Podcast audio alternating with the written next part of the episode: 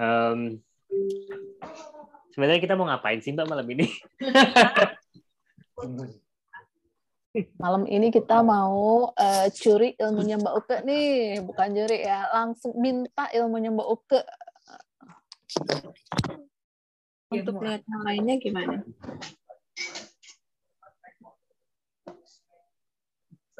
Ya, jadi uh, ada Mbak Rini dari Pekanbaru. Saya kembali menyapa ya, udah kayak di, dari radio malam nih. Selamat malam para pendengar. Terus uh, mau komennya di mana kalau mau komen? Mbak Ina Hadiati kalau mau komen silakan langsung di chat Mbak Ina. Oh, sorry sorry. Ini aku lagi di like, maaf lagi di kendaraan. Jadi uh, maaf maaf Mas. Gak apa-apa, gak apa-apa. Kita mute aja mic-nya dulu semuanya para peserta. Um, kalau mau komen juga di chat ada uh, Koferdian yang udah selamat malam semuanya. Dia dia ada di komen nih sebagai punggawa komennya. Uh, ada Mbak Dini Mahiroto, Mbak Shalita, saya sapa lagi Mbak Sri Handayani Putri, Mbak Marina yang baru masuk. Kemudian ada Mas uh, Mbak Mbak Hernik juga baru masuk. Sekarang sudah jam 7 tepat. Oke, okay. ada Mbak Novi di Lampung. Selamat malam Mbak Novi. Selamat malam Mas Tiko, Mbak Uke, Mbak Tarle, dan semua. Terima kasih buat semua yang sudah bergabung. Yang belum saya sapa, mohon maaf ya ini layarnya berubah terus. Oke, kalau gitu. Mbak Hernik boleh dimatiin dulu nih mic-nya ya. Saya matiin ya Mbak Hernik ya. Um, Oke, okay. kalau gitu kita langsung aja perkenalkan diri nih. Ada saya nih. Uh, kebetulan uh, nama saya belum dirubah ya di sini ya. Masih salam kenal. Nama saya adalah salam kenal, betul. Salam kenal semuanya kalau begitu. Uh, saya Tiko Sukarso di sini, uh, pendiri Klub Masak Sirja. Uh, kemudian ada uh, kedua, ketiga pendiri yang lain ya. Kedua pendiri yang lain ada di sebelah kanan saya dan kiri saya ada Mbak Carlen dan uh, Kokardian. Selamat malam. Halo, selamat malam semuanya. Malam, malam semua. Uh, kemudian ada Mbak Uke juga sebagai Halo. bintang tamu utama malam ini nih kita lagi mau ngobrol-ngobrol soal hidup di desa nih. Hmm. Mbak Uke dari Kabin Kebun. Udah pada tahu semuanya Kabin Kebun ya berarti ya? Udah pernah dengar Kabin Kebun, lokasinya di Lembang, di Parongpong uh, lebih tepatnya. Pokoknya dari RSJ Cisarua Bandung situ naik lurus ke atas. jangan salah ya, jangan salah belok loh.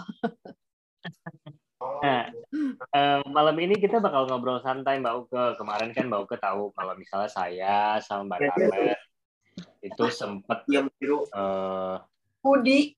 Ya mudik. Betul. Ke Bandung sama ke Jakarta. Terus stop di tempat yang Mbak Uke.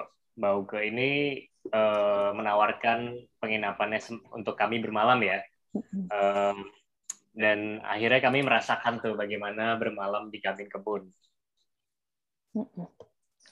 Pengalaman yang luar biasa karena di ujung puncak bukit yang dari atas bukitnya bisa melihat kota Bandung ya.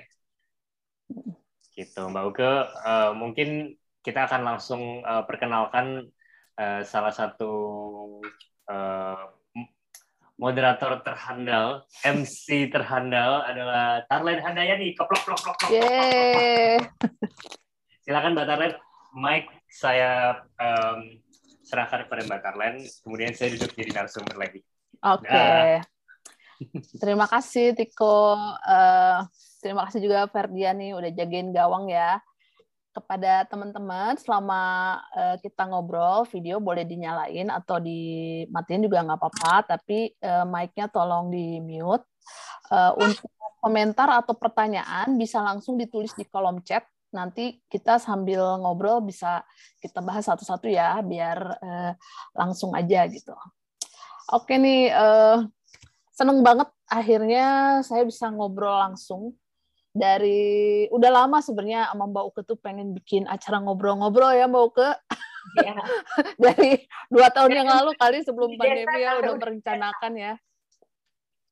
Tapi baru kesampaian sekarang gitu dan gara gara-gara kemarin juga pas mudik main ke tempat Mbak Uke jadi kalau Tiko baru pertama kali ya uh, main ke tempat Boke. Hmm, nah, sementara aku setiap kali pulang ke Bandung pasti aku main ke tempatnya Boke gitu. Karena tempatnya tuh bener-bener apa ya kalau kata anak sekarang uh, healing banget gitu.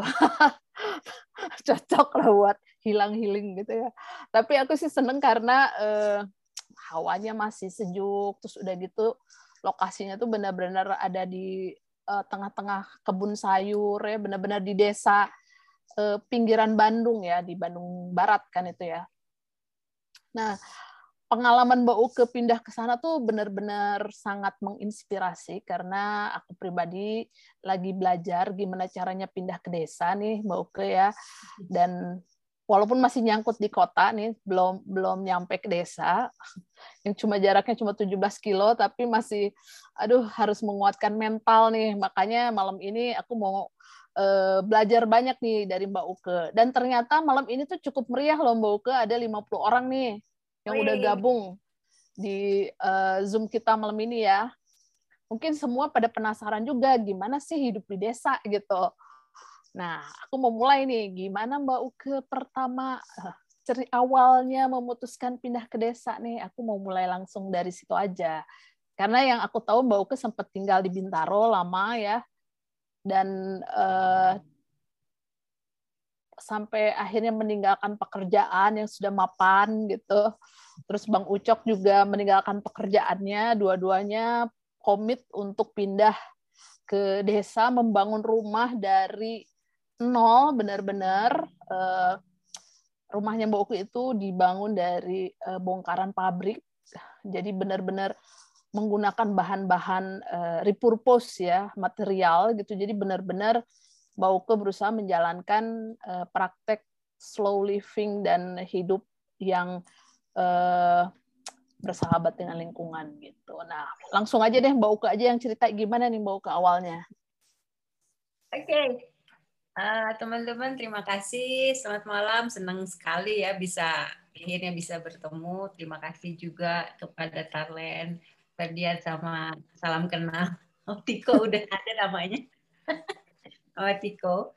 Uh, jadi mungkin sekarang uh, ceritanya nih diminta untuk uh, urun pengalaman gitu kan. Kira-kira kalau pindah tuh seperti apa sih apa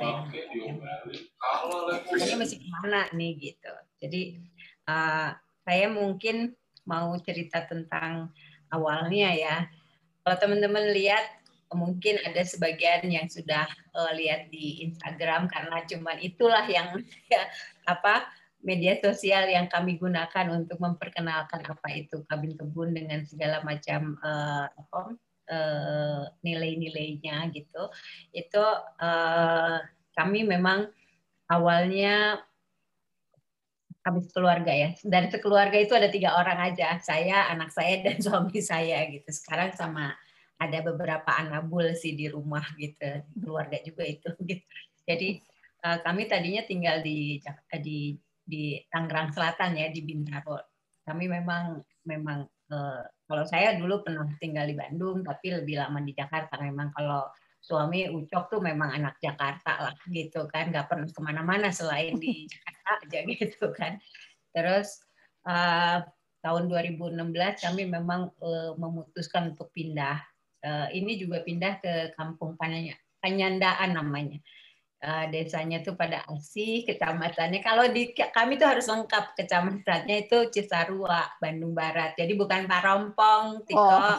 tetangganya Parompong kami gitu kan. Oh, maaf ya. Jadi di Cisarua, uh, mungkin kalau dari Lembang sekitar 11 kilometer gitu kan dari dari dari Lembang gitu gitu. Iya Jadi, sih kayak di desa tuh nggak ada nomor rumah ya mbak ya nggak kayak di kota ya, ya. jadi cuman RT 01 nah. dusun apa gitu ya kelurahan apa RW gitu. Nah, RT 01 tuh banyak tuh ada 50 kepala keluarga tuh biasanya. Nah, itu yeah, cari yeah. deh namanya Mbak Uke atau di mana misalnya gitu. Emang. Jadi jadi eh, kami pindah tahun 2016 tuh ke ke sini gitu bukan kampung kami juga tapi kami eh, memang sudah merencanakannya. Ini yang mungkin teman-teman uh, apa banyak yang tidak tahu bahwa untuk merencanakan pindah itu nggak ujuk-ujuk gitu kan. Jadi apalagi kami sebetulnya memang sedang berikhtiar untuk mengganti gaya hidup gitu karena tiba-tiba ada bukan tiba-tiba ya kita punya pemikiran ini bentuk investment buat anak kami apa nih? Gitu kan? Gitu. jadi investmentnya yang kami uh, sepakati itu adalah bagaimana menciptakan sebuah kehidupan yang paling tidak memberikan rasa optimis bahwa di depan tuh masih ada masih ada planet bumi yang bisa kita tempati. Paling tidak dia tempati nantinya gitu kan?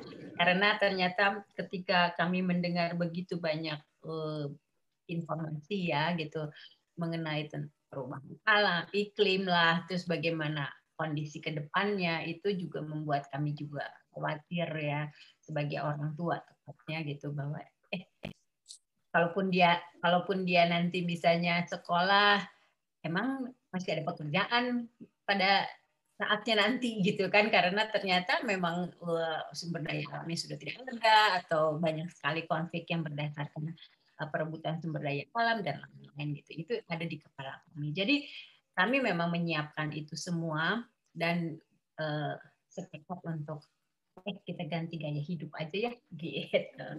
Dan yang kemudian gaya hidup yang kami pilih itu adalah yang memang uh, biasa disebut sebagai slow living pada saat ini. Itu sebetulnya bukan sesuatu yang baru sebetulnya gitu kan. Tapi uh, cuman penamaannya aja mungkin baru baru terdengar sesudah sesudah ada gerakan slow food ya gitu kan tahun 80-an gitu. Jadi terus kemudian berkembang menjadi berbagai macam uh, slow slow yang lainnya gitu kan termasuk adalah slow living. Jadi uh, itu sebuah pendekatan yang holistik mengenai bagaimana kita menyikapi uh, apa uh, hidup yang sebetulnya gitu. Ini agak berat ngomongnya gitu.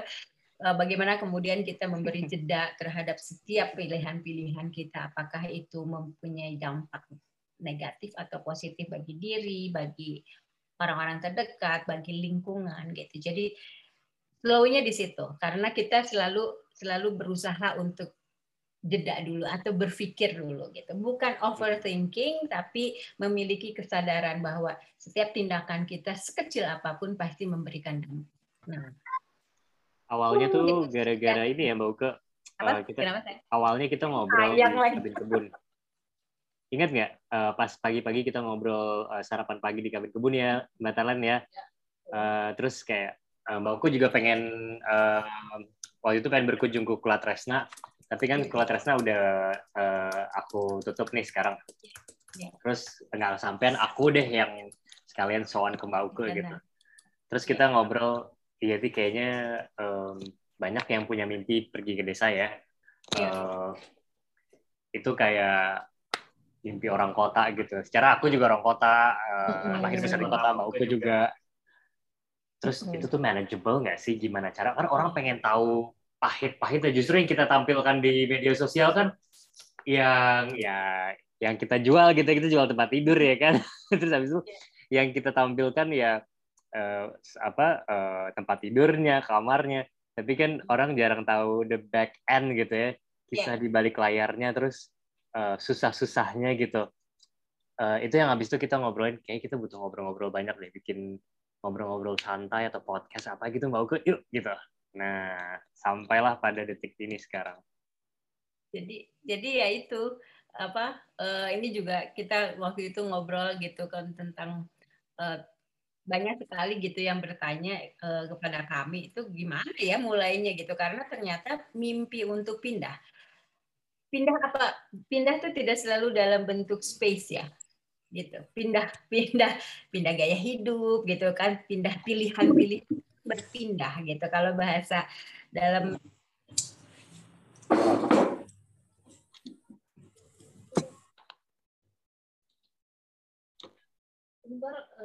Mbak Uke kepencet nih uh, mute. Sorry sorry. Ya? Oke. Okay. Nah, udah. Jadi jadi ya kita berusaha untuk uh, pindah itu bukan hanya fisik aja gitu pindah, tapi juga bagaimana kemudian kita apa menjalankan sesuatu kehidupan yang menurut kita jauh akan menjadi lebih baik bagi diri kita juga bagi bagi bagi orang lain di sekitar kita dan bagi lingkungan. Dan dan uh, kenapa kita mendahulukan diri kita dulu gitu? Karena ternyata uh, selama ini koneksi kita tuh terhadap diri aja tuh udah udah udah agak haus ya gitu kan kadang-kadang kita tidak mengenal gitu mengenal diri kita.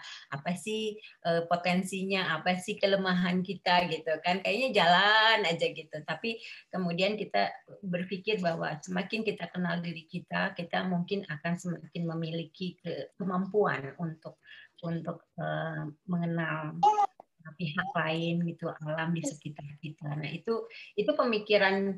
Jadi kalau ditanya uh, ini keputusan mendadak atau tidak? Ini sama sekali bukan keputusan mendadak. Jadi sebetulnya saya kasih tahu nih, kita berencananya sebelum 2016 itu mungkin ada sekitar lima tahun untuk berencana gitu kan.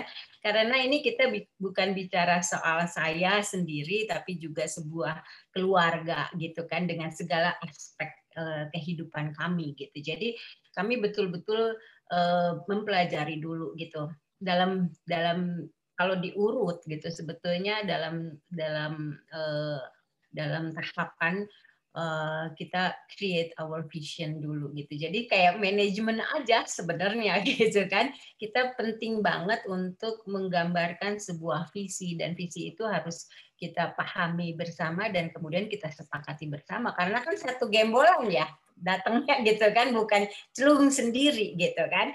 Tapi satu keluarga gitu dan keluarga itu kan biar biarpun kami keluarga tetap aja dengan mimpinya masing-masing tentunya. Dan itu harus bisa diakomodir dari dengan dengan dengan apa dengan visi bersama gitu. Jadi eh, sebelum kami pindah itu kami berusaha untuk kita ikut conference tentang revitalisasi desa lah gitu. Kita baca-baca semuanya gitu. Terus kemudian kita juga uh, sempat pergi ke ke luar negeri ya untuk uh, untuk apa? Untuk itu kan invest investasi. Karena kami menganggap bahwa pindah ini sebagai satu bentuk eh, investasi jangka panjang ya, bukan sekedar mau mau pensiun karena ternyata kata pensiun itu tidak ada di kamus kami gitu kerja aja terus gitu kan atau maksudnya menjalankan proses gitu kan jadi kami kami berusaha untuk eh, eh, menggambarkan visi kami dan visi kami dikuatkan dengan berbagai macam tahapan gitu termasuk pembelajaran ya tentang apa sih gaya hidup yang ingin kita capai bagaimana bentuknya nanti apa yang harus kita persiapkan support system apa yang mesti kita kita kita perhatikan untuk itu semua. Jadi tidak semata-mata karena uh, alasan romantis ya. Ah pindah ke desa nih kayaknya enak banget gitu kan. Udara sejuk dan lain-lain. Kami memilih ke Bandung juga itu dengan pemikiran bahwa super system yang paling uh, memungkinkan bagi kami untuk pindah sebagai orang kota itu adanya di Bandung gitu. Karena kebetulan dengan jarak sekitar 25 menit dari sini ada keluarga besar saya gitu kan. Dan itu besar sekali pengaruhnya gitu. Apa namanya eh, eh, apa dukungannya gitu dan itu semuanya diperhitungkan gitu. Jadi eh, kalau misalnya boleh di boleh di, disampaikan jangan terburu-buru lah. Itu salah satu bentuk juga dari dari dari apa yang kami lakukan betul-betul kita create our vision dulu gitu. Dan create our vision itu kan juga harus termasuk dengan alasan-alasan kenapa kita mesti pindah gitu kan. Itu memang didiskusikan gitu. Supaya membantu membentuk pemahaman dan kemudian kesepakatan. Nah, kesepakatannya itu kan muncul sampai nanti sampai kami terus saja gitu berproses gitu. Karena kan nanti ada berubah lagi, kita harus bikin kesepakatan lagi. Tapi pemahaman awalnya yang kemudian mengerucut menjadi nilai-nilai yang kami pahami bersama, yang kami coba terapkan dalam keluarga kami, itu kan uh, sudah ada gitu kan. Selebihnya adalah adjustment-adjustment. Ya, itulah kurang lebih uh, apa latar belakangnya gitu. Kalau kalau kalau mau pindah tuh ya sebetulnya membangun visi itu penting banget. Betul betul. Ya dan itu beneran butuh waktu ya Mbak. Itu aku Ya. rasain sekarang Mbak suka galau gitu ya. Bener Iya. nggak sih keputusan aku pindah gitu ya. Iya. Apalagi mau bangun rumah di desa gitu. Hmm. Dan eh, aku tidak membawa pasukan gitu. Sendirian Iya. aku sanggup nggak ya gitu. Itu pertanyaan-pertanyaan yang juga muncul gitu. Di sini mungkin juga ada teman-teman yang masih eh, sendiri, belum punya keluarga dan punya impian ingin pindah ke desa gitu ya. Nanti Mbak Uke mungkin bisa eh, sharing sih apa sih sebenarnya eh, apa ya keuntungannya dan kekurangannya mungkin kalau sendirian atau eh, udah bawa pasukan ya. Iya. Eh, dengan keputusan ini gitu. Nah, ini di sini udah ada yang masuk nih pertanyaan dari Mas Alex nih.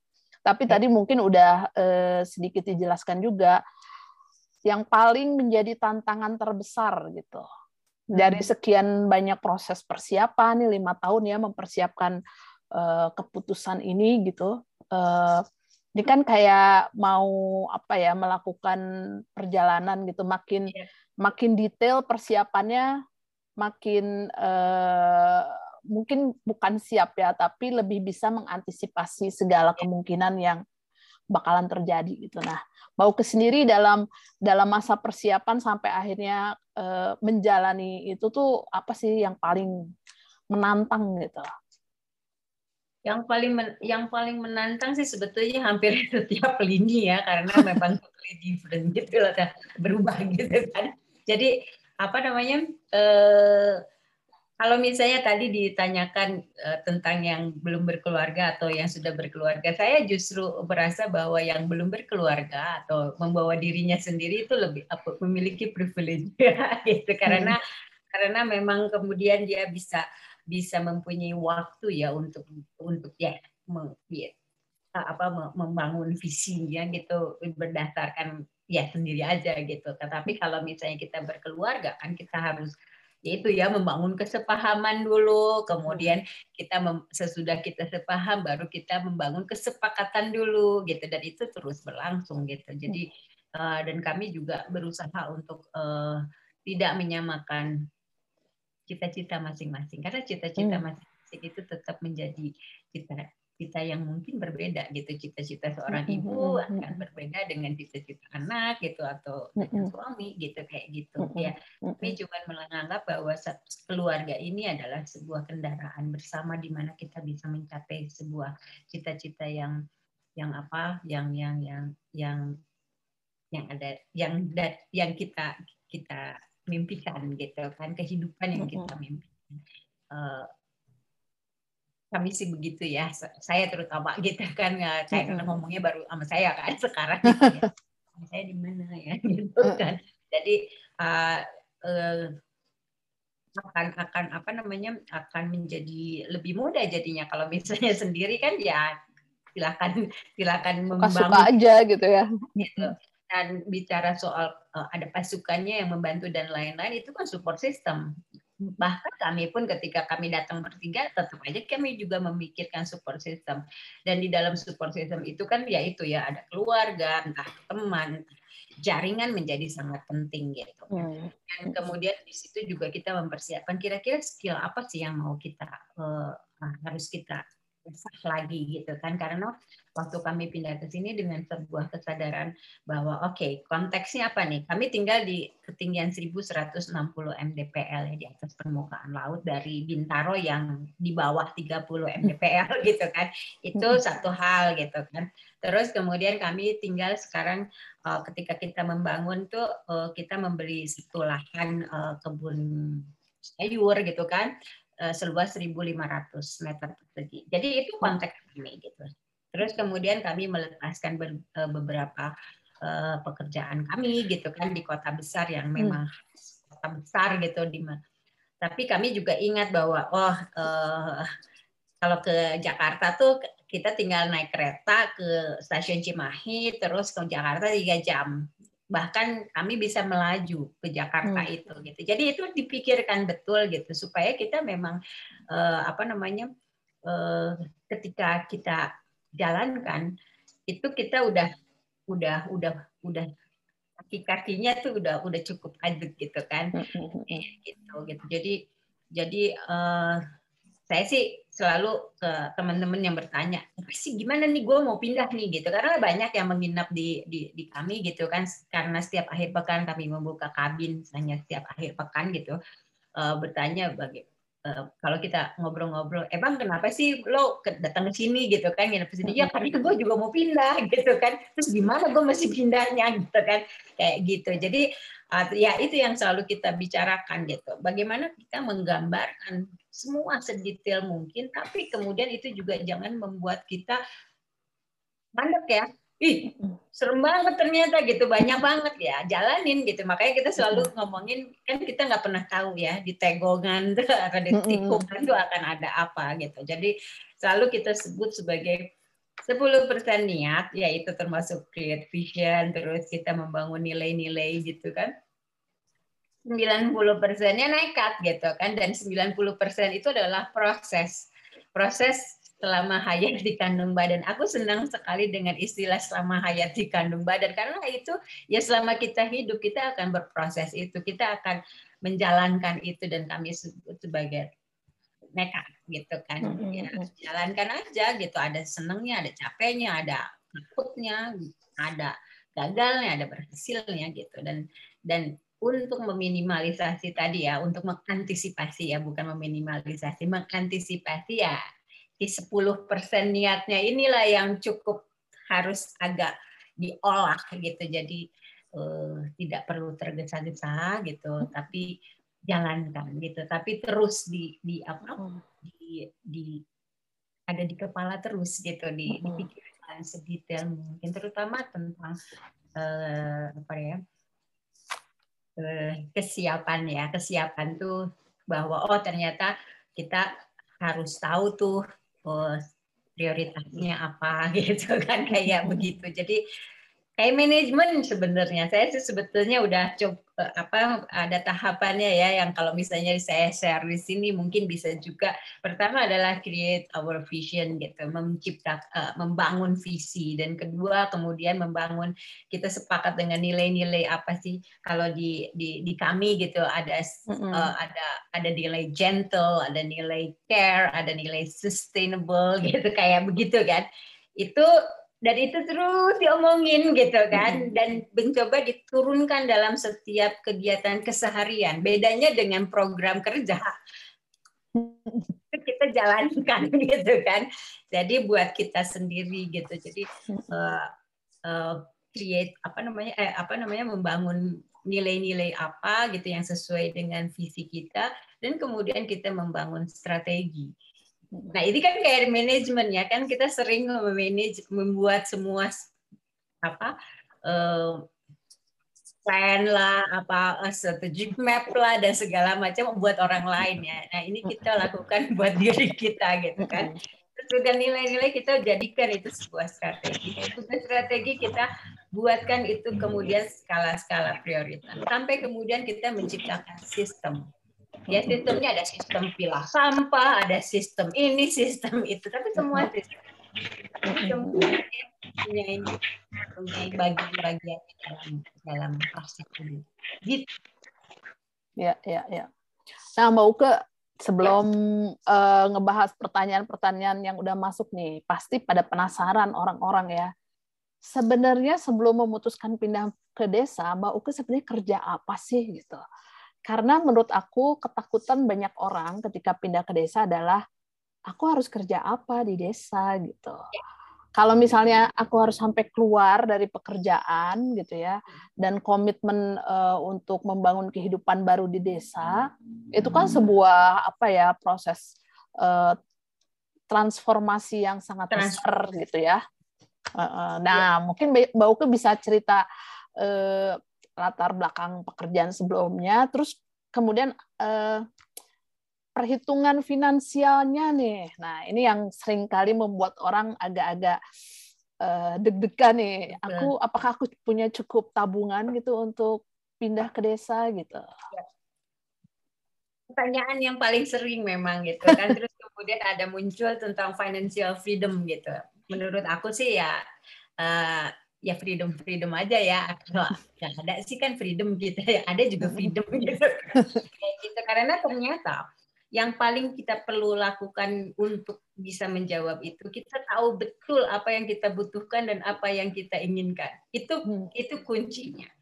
Dan ternyata kalau kita lihat kebutuhan dasar manusia itu kan pangan papan sandang gitu kan. Aku terus sekarang tambahin adalah pulsa gitu connectivity sama knowledge gitu kan begitu.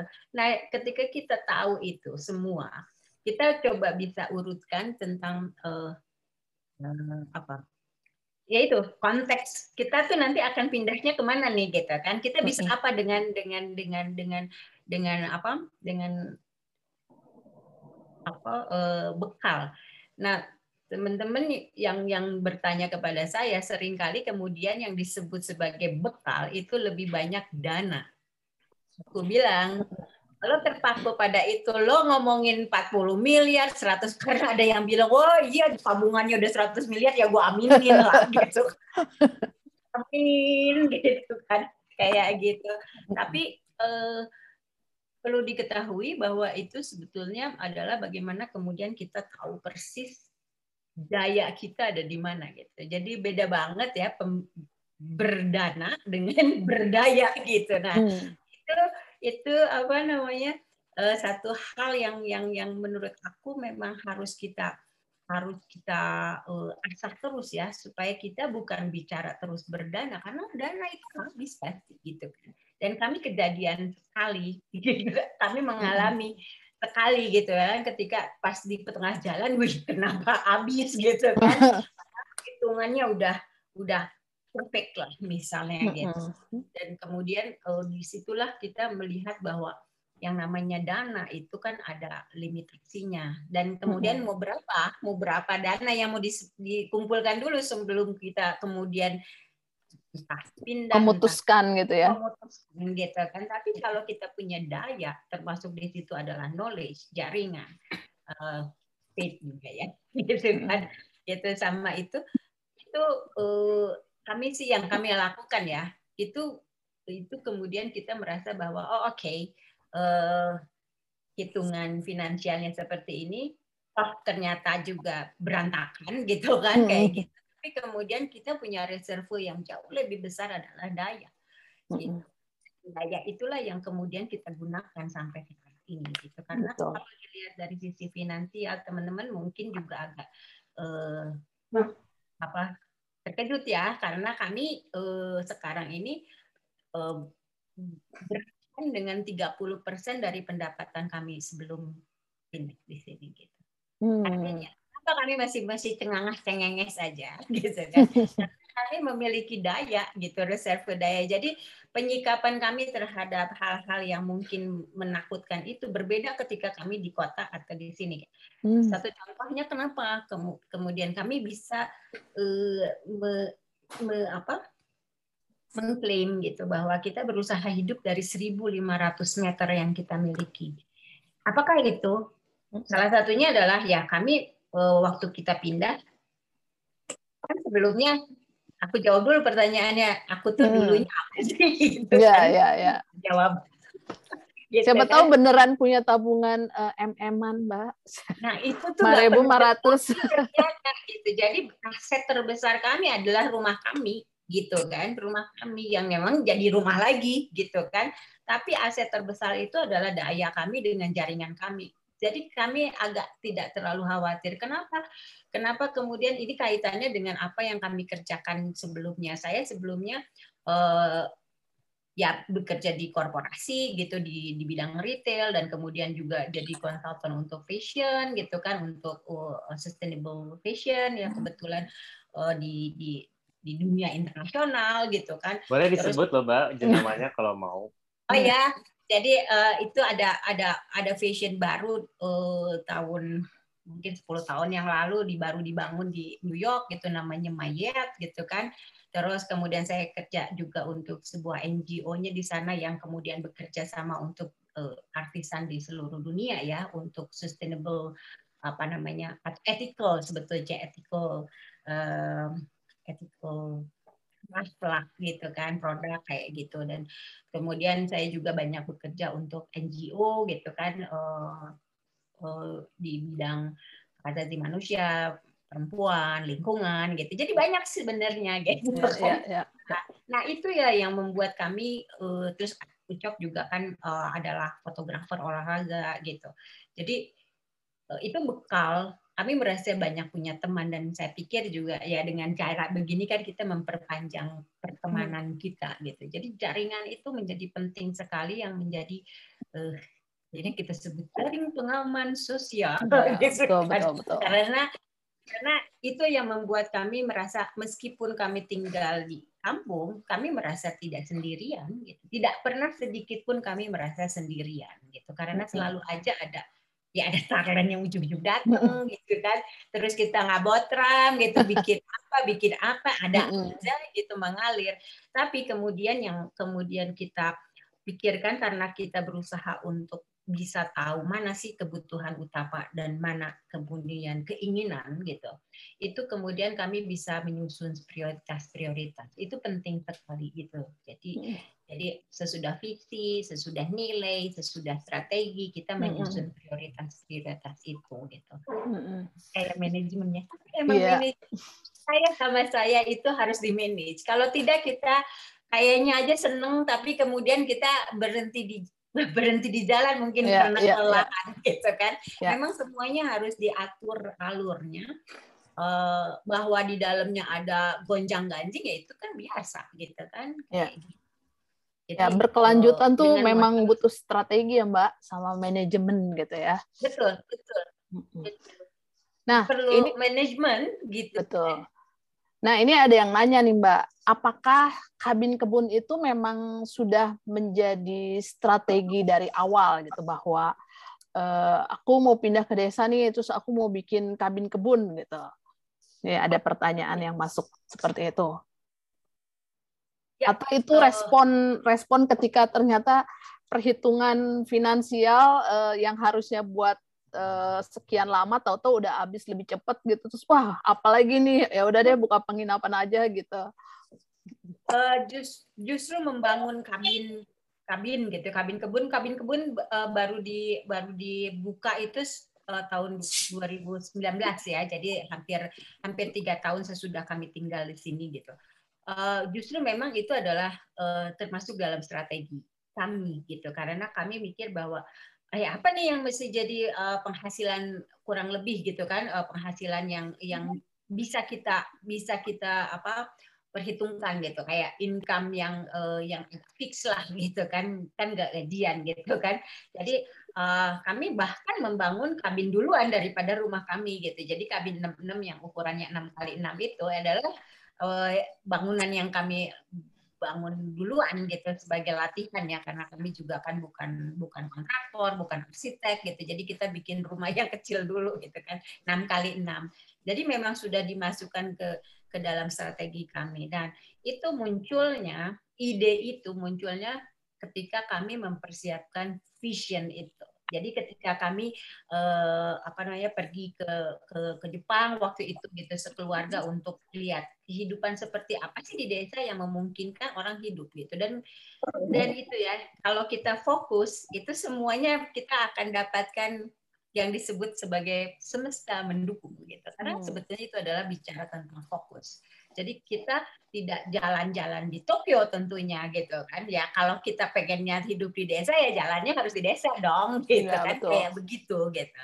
Jadi kayak seperti kita misalnya mau bangun bangun rumah dari lebih banyak bahan bekas ya tentunya kita tidak gaulnya di toko-toko yang baru gitu tapi di di di Loak di Pasir Koja kalau di Bandung gitu kan di toko kayak gitu sehingga kita memiliki fokus. Jadi fokus penting banget gitu dan sudah dirancang dari awal.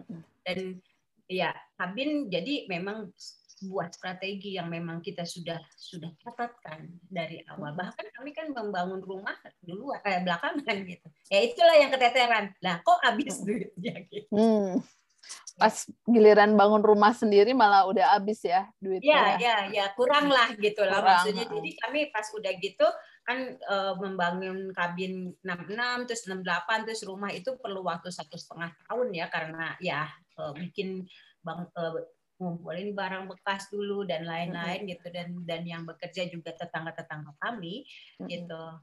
Jadi uh, prosesnya cukup panjang gitu. Dan dan itu yang per, memperlihatkan gitu menjadi bukti bahwa memang si kabin ini adalah uh, masuk ke dalam strategi awal gitu sebagai mm -hmm. salah satu uh, income generating ya bagi kami gitu. Mm -hmm. Ini uh, pasti banyak Jadi yang cuma romantis lah gitu intinya ya. Karena romantis uh, tapi disertai strategi dan perencanaan ya, ya Mbak. Supaya tetap bisa romantis kalau enggak ada itu boro-boro kita romantis loh yang ada yang ada berantem. Nah, ini uh, nyambung sama pertanyaan Mbak Kristi nih soal gonjang ganjing yang paling dahsyat. Ada. Nah, apa yang terjadi? gonjang ganjing yang paling dahsyat. Gonjang ganjing yang paling dahsyat itu sebetulnya memang kalau kita kemudian kita resah dengan semua eh, yang sudah kita eh, rencanakan tidak berjalan dengan semestinya ya. Salah satunya juga mungkin sekarang itu dengan 30% pendapatan yang kami miliki gitu kan. Tapi sebetulnya masih harus bisa meningkatkan paling tidak sampai 40% gitu. Jangan jangan sampai jangan sampai 30%. Nggak bisa napas, Bo. Gitu kan. Kayak gitu. Jadi kerja terus makanya kan nggak uh, kita menerima yang healing tapi kita sendiri ya huleng gitu kan.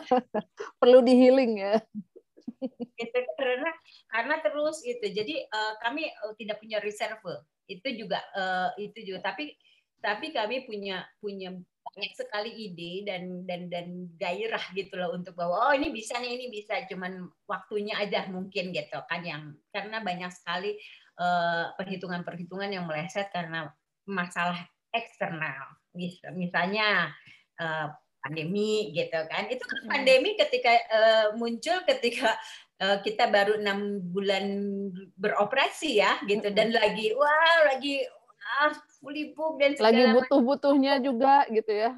Apa? ya lagi banyak kebutuhan juga lagi banyak kebutuhan juga gitu. Dan sebelum pandemi juga kan kita menghadapi uh, situasi politik yang sangat gunjang ganjing ya di tanah air ya pilpres itu gitu. Dan itu juga mempengaruhi banget ke beberapa pekerjaan kami uh, di luar ya bukan di kabin kebun. Itu yang sebetulnya sudah diperhitungkan kalau secara finansial oh bakal begini begini begini begini gitu.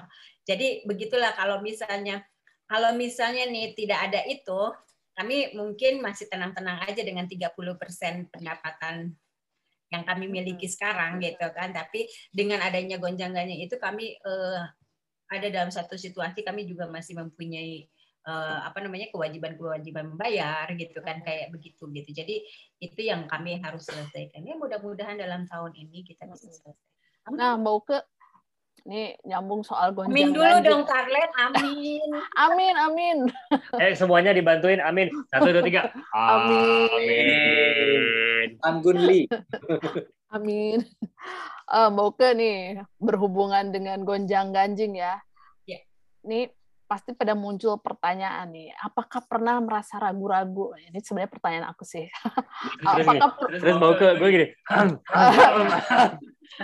apakah pernah merasa ragu? Terus bagaimana membuat uh, suami dan anak tetap uh, pada keyakinan yang sama gitu untuk suami bertahan. Gua, suami gue ada di, ada di samping gue lagi nyisirin anabul.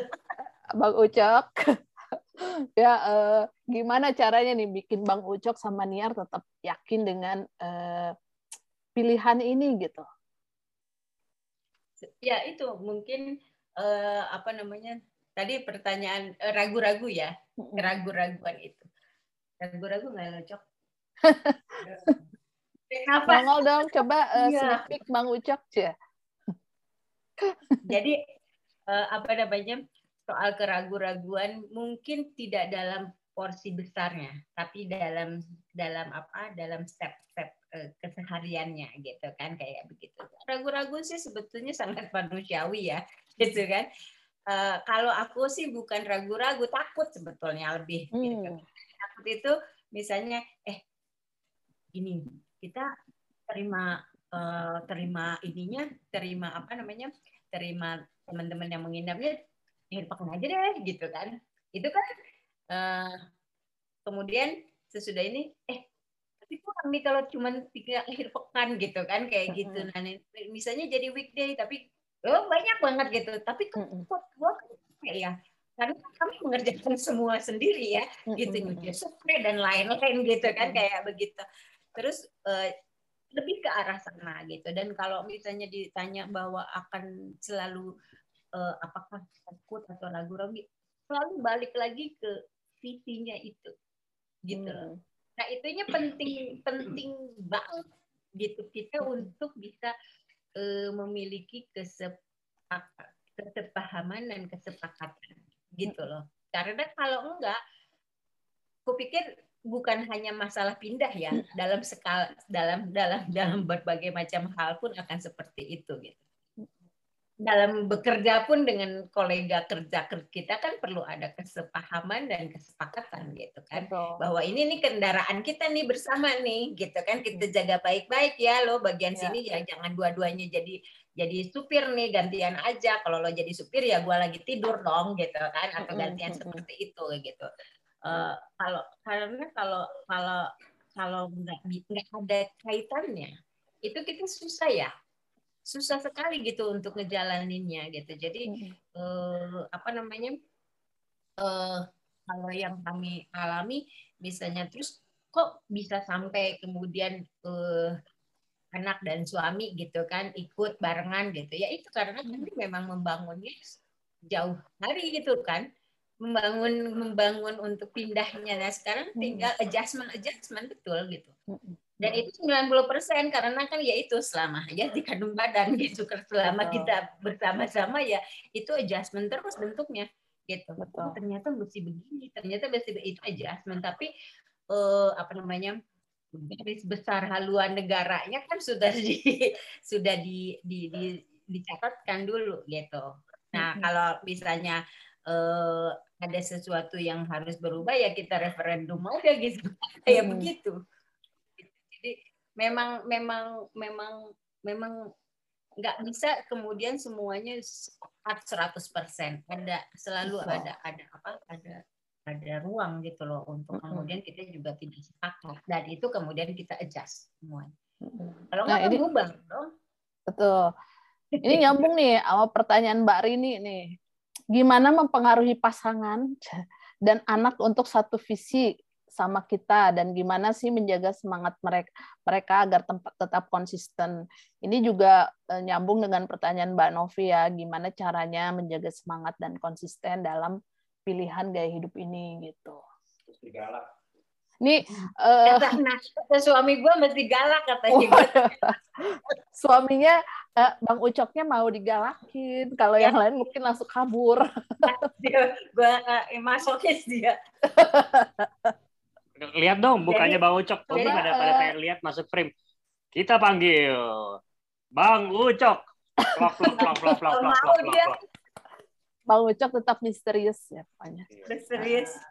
Dia dia berusaha untuk seperti itu supaya uh, supaya dikenang gitu sebagai cowok misterius. apa ya gimmick gimmick gimmick gimmick gimmick kabin kebun ya. Jadi sebetulnya balik lagi ya, balik lagi bahwa bahwa uh, penting banget kita mencari alasan-alasan terus relevansi. Dan itu bagi masing-masing, bukan bagi kita aja. Tapi memang dalam keluarga itu pasti mempunyai satu atau dua gitu, atau biasanya sih satu yang memiliki, mempunyai bakat, memiliki bakat artikulatif gitu Nah itu kebetulan bakatnya ada di gue gitu hmm. kan.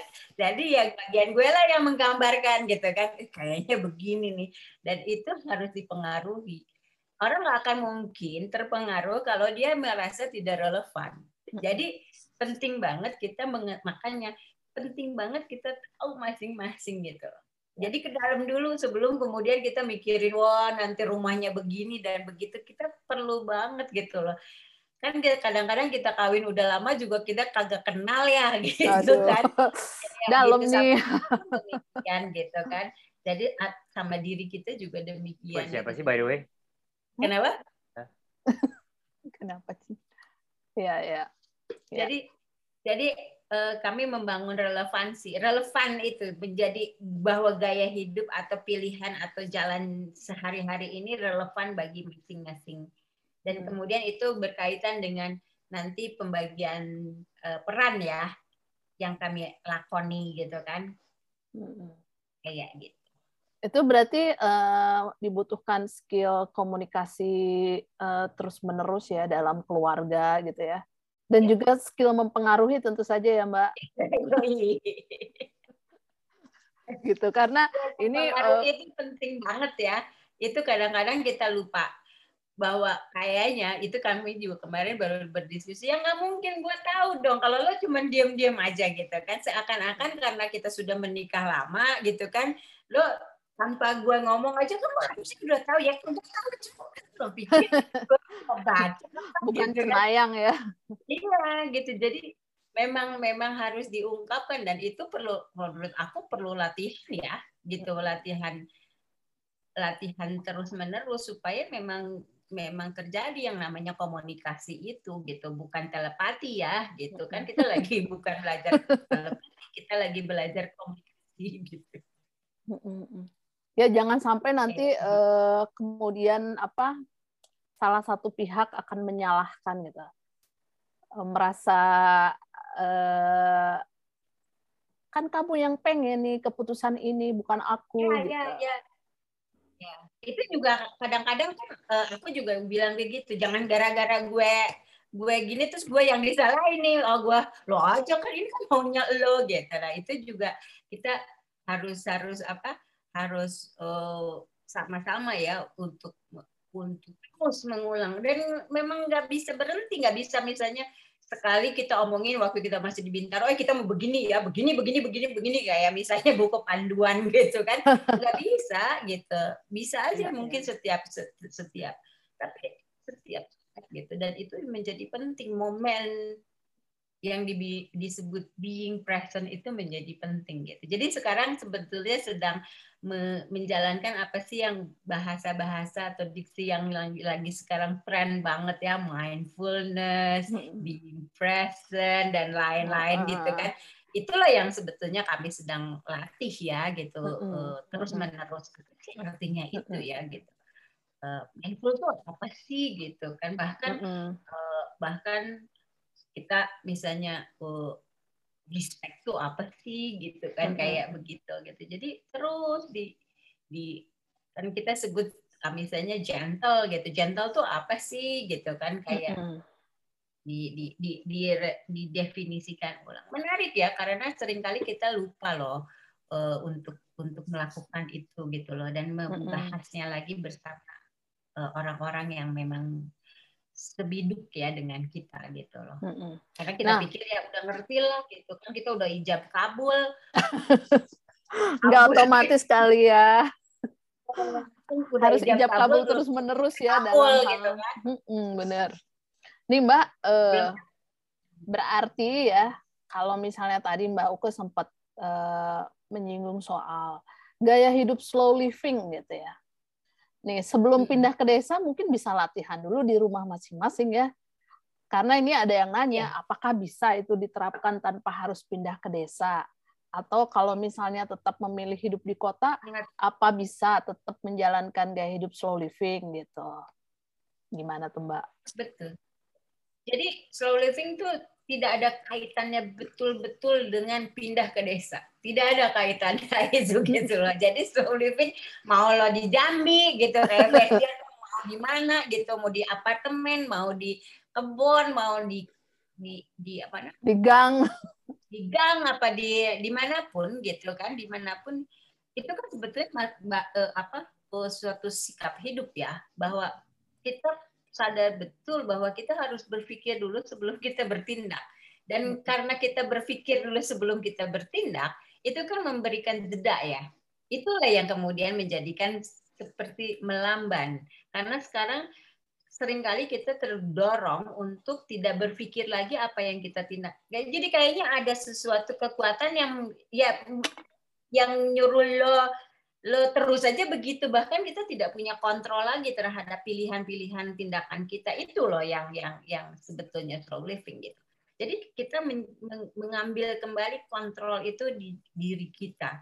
Bahwa kita tahu nih kalau gue kalau kalau kalau gue melakukan ini akibatnya buat gue apa dan lain-lain gitu.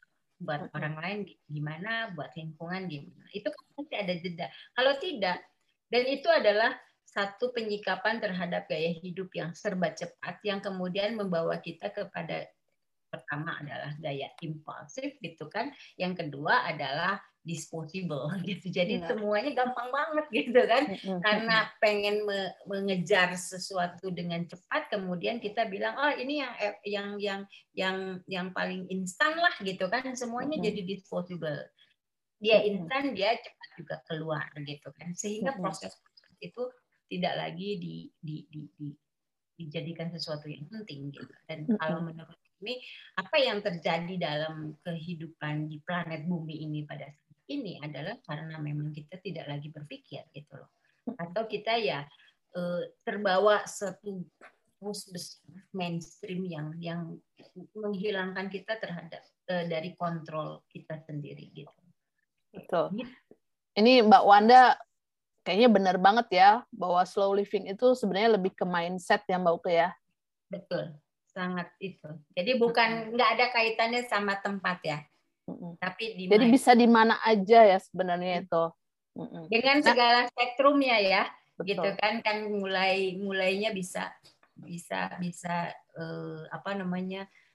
Karena itu kan menyangkut gaya hidup ya, keseharian kita, pilihan-pilihan dari kita hidup dari bangun sampai tidur bangun lagi gitu kan kayak gitu. Nah itu kan bisa bisa bisa di, dijalankan dalam spektrum yang yang ya kita yang set gitu. Kita udah Betul. siap sampai mana ya itu. Nah di sini tuh sebenarnya ada juga yang udah uh, pernah memutuskan tinggal di desa, membangun sesuatu di desa, terus kemudian uh, belum berhasil seperti yang diharapkan, tapi tidak menyerah. Uh, nah, gimana nih Tiko Sukarso? Kamu juga kan punya pengalaman ya, tinggal di desa nih, memutuskan tinggal di desa, walaupun secara intens tuh selama pandemi ya, tapi sebelumnya kamu bolak-balik dan kamu masih sendirian loh, Cin. Jadi mungkin ini bisa memberikan tips kepada saya misalnya dan teman-teman lain yang masih uh, sendiri dan ingin memulai uh, membangun sesuatu di desa gitu. Gimana tuh?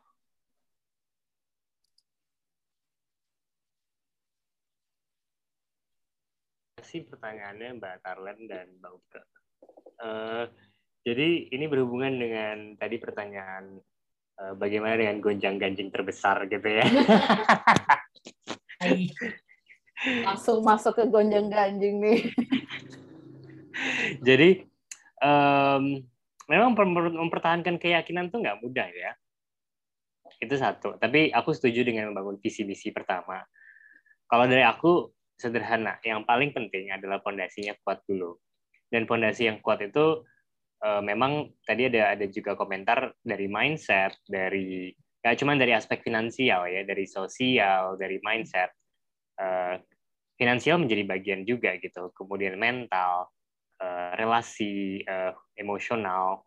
Uh, jadi memang pilar-pilar itu kalau menurut aku uh,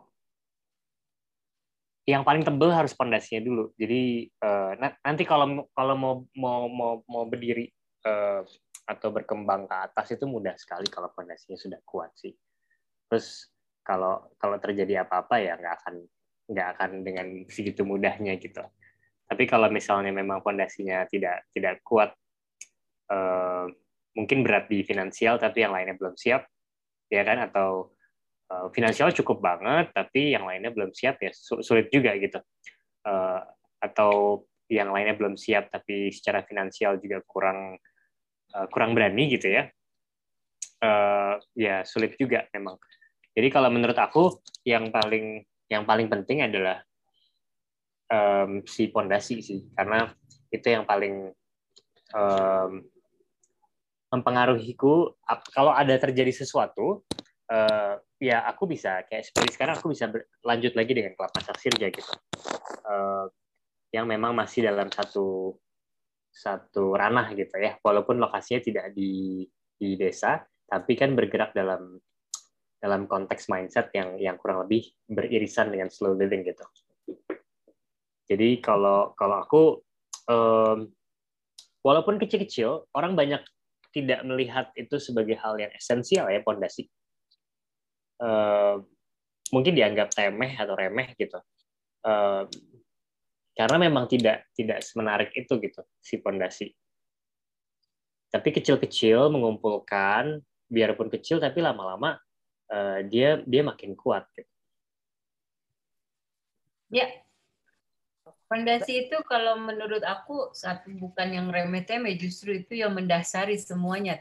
Kalau menurut aku ya, dan kalau eh, aku, sorry ya, aku nggak apa-apa kita aku kalau misalnya kayak satu-satu gini kayak obrolan formalitas banget mbak aku ya, ya. kayak kayak pas kita di kabun eh kabin kebun dong ngomong terus uh, saut-sautan gitu iya jadi jadi maksudnya fondasi itu bukan remeh-temeh bahkan gitu kan justru itu adalah yang yang yang yang menjadi apa menjadi pilar kekuatan ya gitu. Eh, menjadi kekuatan yang utama ya.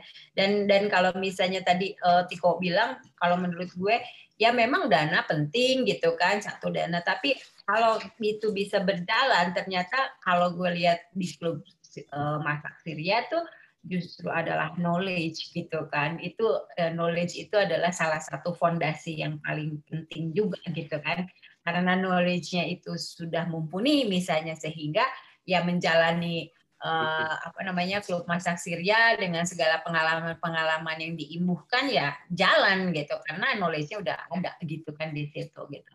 Jadi si si bangunannya nggak ada misalnya tapi knowledge-nya masih terus uh, apa namanya uh, dimiliki dan semakin berkembang ya jalan gitu. Jadi balik lagi kalau menurut aku uh, ya itu ya kesiapan kesiapan kesiapan apa uh, tidak selalu itu daya gitu kan namanya gitu kan tidak selalu bentuknya dana gitu kan nah dayanya itu ada knowledge ada jaringan gitu kan ada ada apa salah satunya juga kesiapan mental itu ya gitu.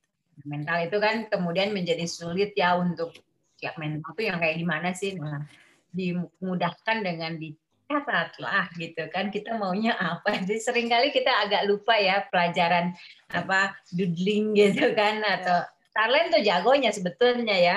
Mind map gitu. Oh perjalanan menjurnal gitu kan. Menjurnal itu penting banget uh, sebagai catatan dari perjalanan yang sudah maupun yang ingin kita lakukan gitu kan journaling gitu, gitu. Jadi sebenarnya juga kalau dari pengalaman yang eh, pembelajaran dari Tiko gitu ya, walaupun misalnya mencoba eh, tinggal dan eh, pada satu titik harus ditutup gitu tempatnya, kemudian pindah dulu ke kota, tapi itu sebenarnya juga bagian dari proses ya Mbak. Kalau misalnya perlu mundur dulu, terus nanti uh, ngumpulin lagi semangatnya gitu, balik lagi gitu.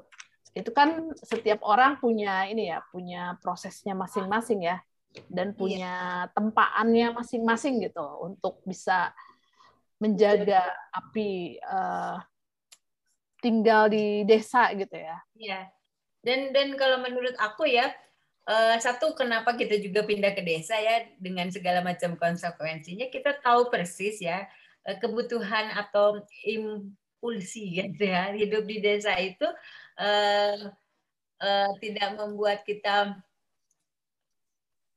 konsumsi kita berkurang memang gitu kan.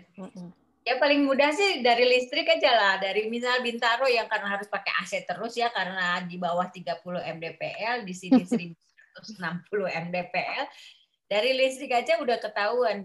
Kita bangga banget gitu kan ketika listrik kita tuh bayarnya tuh paling mahal. Paling mahal nih itu 500 hmm. tapi rata-rata kita itu eh, listriknya itu adalah sekitar 400 gitu ke 300 ke 400 kita bahkan sesudah kita benerin pompa kata Ucok, oh kita bisa turun lagi nih ke gitu. Tadi pagi dia seneng banget gitu kan, karena udah bisa benerin pompanya gitu yang nggak nyala terus gitu. Jadi mungkin kita pengen banget gitu bisa uh, 300. Kan kelihatan kan dari sejuta sekian sampai 2 juta sebulan untuk listrik gitu kan. Kemudian menjadi itu kan besar sekali gitu. Ya, ya. dan itu keuntungannya ketika kita tahu persis kenapa juga kita berani pindah.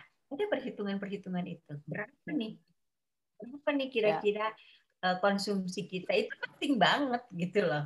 Terus tadi ya. ada pertanyaan dalam chat ya aku sempat lihat bahwa gimana nih dengan anak dan lain-lain pergaulannya atau seperti apa. Kebetulan memang anak kami kan sudah lulus sekolah ya gitu. Dan kebetulan memang uh, dia baru pinta, baru balik lagi ke sini pas pandemi gitu kan. Udah selesai terus pindah ke sini. Jadi pergaulannya atau sekarang ini dia uh, lagi kurang bergaul sih gitu. Karena dia lagi dia lagi apa lagi magang juga di sini gitu. Sebagai co-founder kabin kebun gitu Eh, dia baru merasakan gitu bagaimana meran meraning sebuah ini kan sebetulnya ya bisa dibilang juga sebagai bisnis ya gitu bisnis keluarga gitu meskipun cuma kita, kita aja bertiga gitu. Tapi kan harus ada harus ada yang meraning nah di, uh, kebetulan anak kami lah yang meraning uh, apa uh, bersama kami gitu. Kabin kabin sebagai penginapan gitu di akhir pekan. Nah, Mbak, kalau dari tadi kan kita ngomongin soal internal nih ya, iya. gimana yeah. membangun semangat, gimana membangun konsistensi, gimana me, me, apa ya berstrategi dengan nilai-nilai yang kita yakini. Nah, sekarang kita ngomongin faktor eksternal nih. Gimana sih ini pertanyaan yang mungkin juga jadi ketakutan banyak orang ya. Kalau pindah ke desa, gimana caranya bergaul sama orang desa? Ada ada uh, joke dari teman bilang gini, kalau tinggal di kota yang tebal tuh dompetnya, kalau tinggal di desa yang tebal tuh telinganya, katanya gitu, hmm. Mbak. Gimana tuh? Emang sih, uh, ini banget ya. Uh, playlist kita juga berubah ya, karena kalau kita agak ke belakang tuh uh, tetangga kami itu senang banget uh, menyetel uh, apa? Dangdut. kayak, kayak itu gitu. Jadi dan playlistnya tuh ada Adele dalam oh, dalam versi dangdut gitu ada segala macam gitu kan. Jadi uh, itu salah satu uh, salah satu penyesuaian sih. Lama-lama kita dengar enak juga ya. Gitu. Tapi kalau ditanya eh, gimana uh, apa pergaulannya kami berusaha untuk untuk menjadi bagian aja gitu. Itu juga yang paling berubah dari kami adalah kami tidak lagi melihat bahwa kami adalah orang yang bisa merubah mereka datang untuk melakukan perubahan kepada mereka, tapi kami menjadi bagian bahwa kita berubah, kita sama-sama barengan berubahnya. Karena ternyata mindset kota kita itu kita ngelihat dulu ibu-ibu yang tinggi, yang yang duduk-duduk di pinggir jalan gitu kan sore-sore dengan nangkring gitu ya. gitu atau misalnya siang-siang ih coba kita berdayakan ya mungkin harus ada pekerjaan lain gitu karena mereka tuh capek banget ya dari setengah enam gue masih masih pakai uh, mereka tuh udah di udah di udah di ladang gitu kan. Udah seharian udah, capek gitu ya. Seharian capek itu me time-nya mereka. Me time-nya mereka ya beda dengan kita yang pergi ke spa gitu kan kayaknya gitu. Zuman tiap hari gitu ya. Ngumpul-ngumpul gitu dan kemudian hmm. kalau kita datang ya sekilas kita pikir bahwa wah di kita harus berubah kan kasihan ya mereka itu kan rumahnya begini ada beberapa hal yang kemudian kita berpikir bahwa mereka lebih kaya daripada kita. Dan ada beneran begitu gitu kan. Kayak gitu dengan penampilan yang berbeda banget gitu kan. Jadi eh, kami sekarang dalam enam tahun kami tinggal di di desa gitu. Meskipun kami banyak sekali sebelumnya juga ber ber, ber eh, banyak sekali penelitian juga di desa-desa gitu sebelumnya sebagai apa peneliti sosial gitu. Uh, tapi berubah sekali cara kami memandang itu. Jadi kami jadi lebih hati-hati bilang bahwa, ih ini kita kayaknya harus melakukan perubahan di sini. Kan sering dibilang, apa sih lo yang lo udah lakukan bersama keluarga dampak negatif positifnya terhadap itu? Ya kami sih jadi tetangga yang baik saja ya gitu kan. Kayak gitu gitu berusaha menjadi tetangga yang alhamdulillah kalau kami bisa sama-sama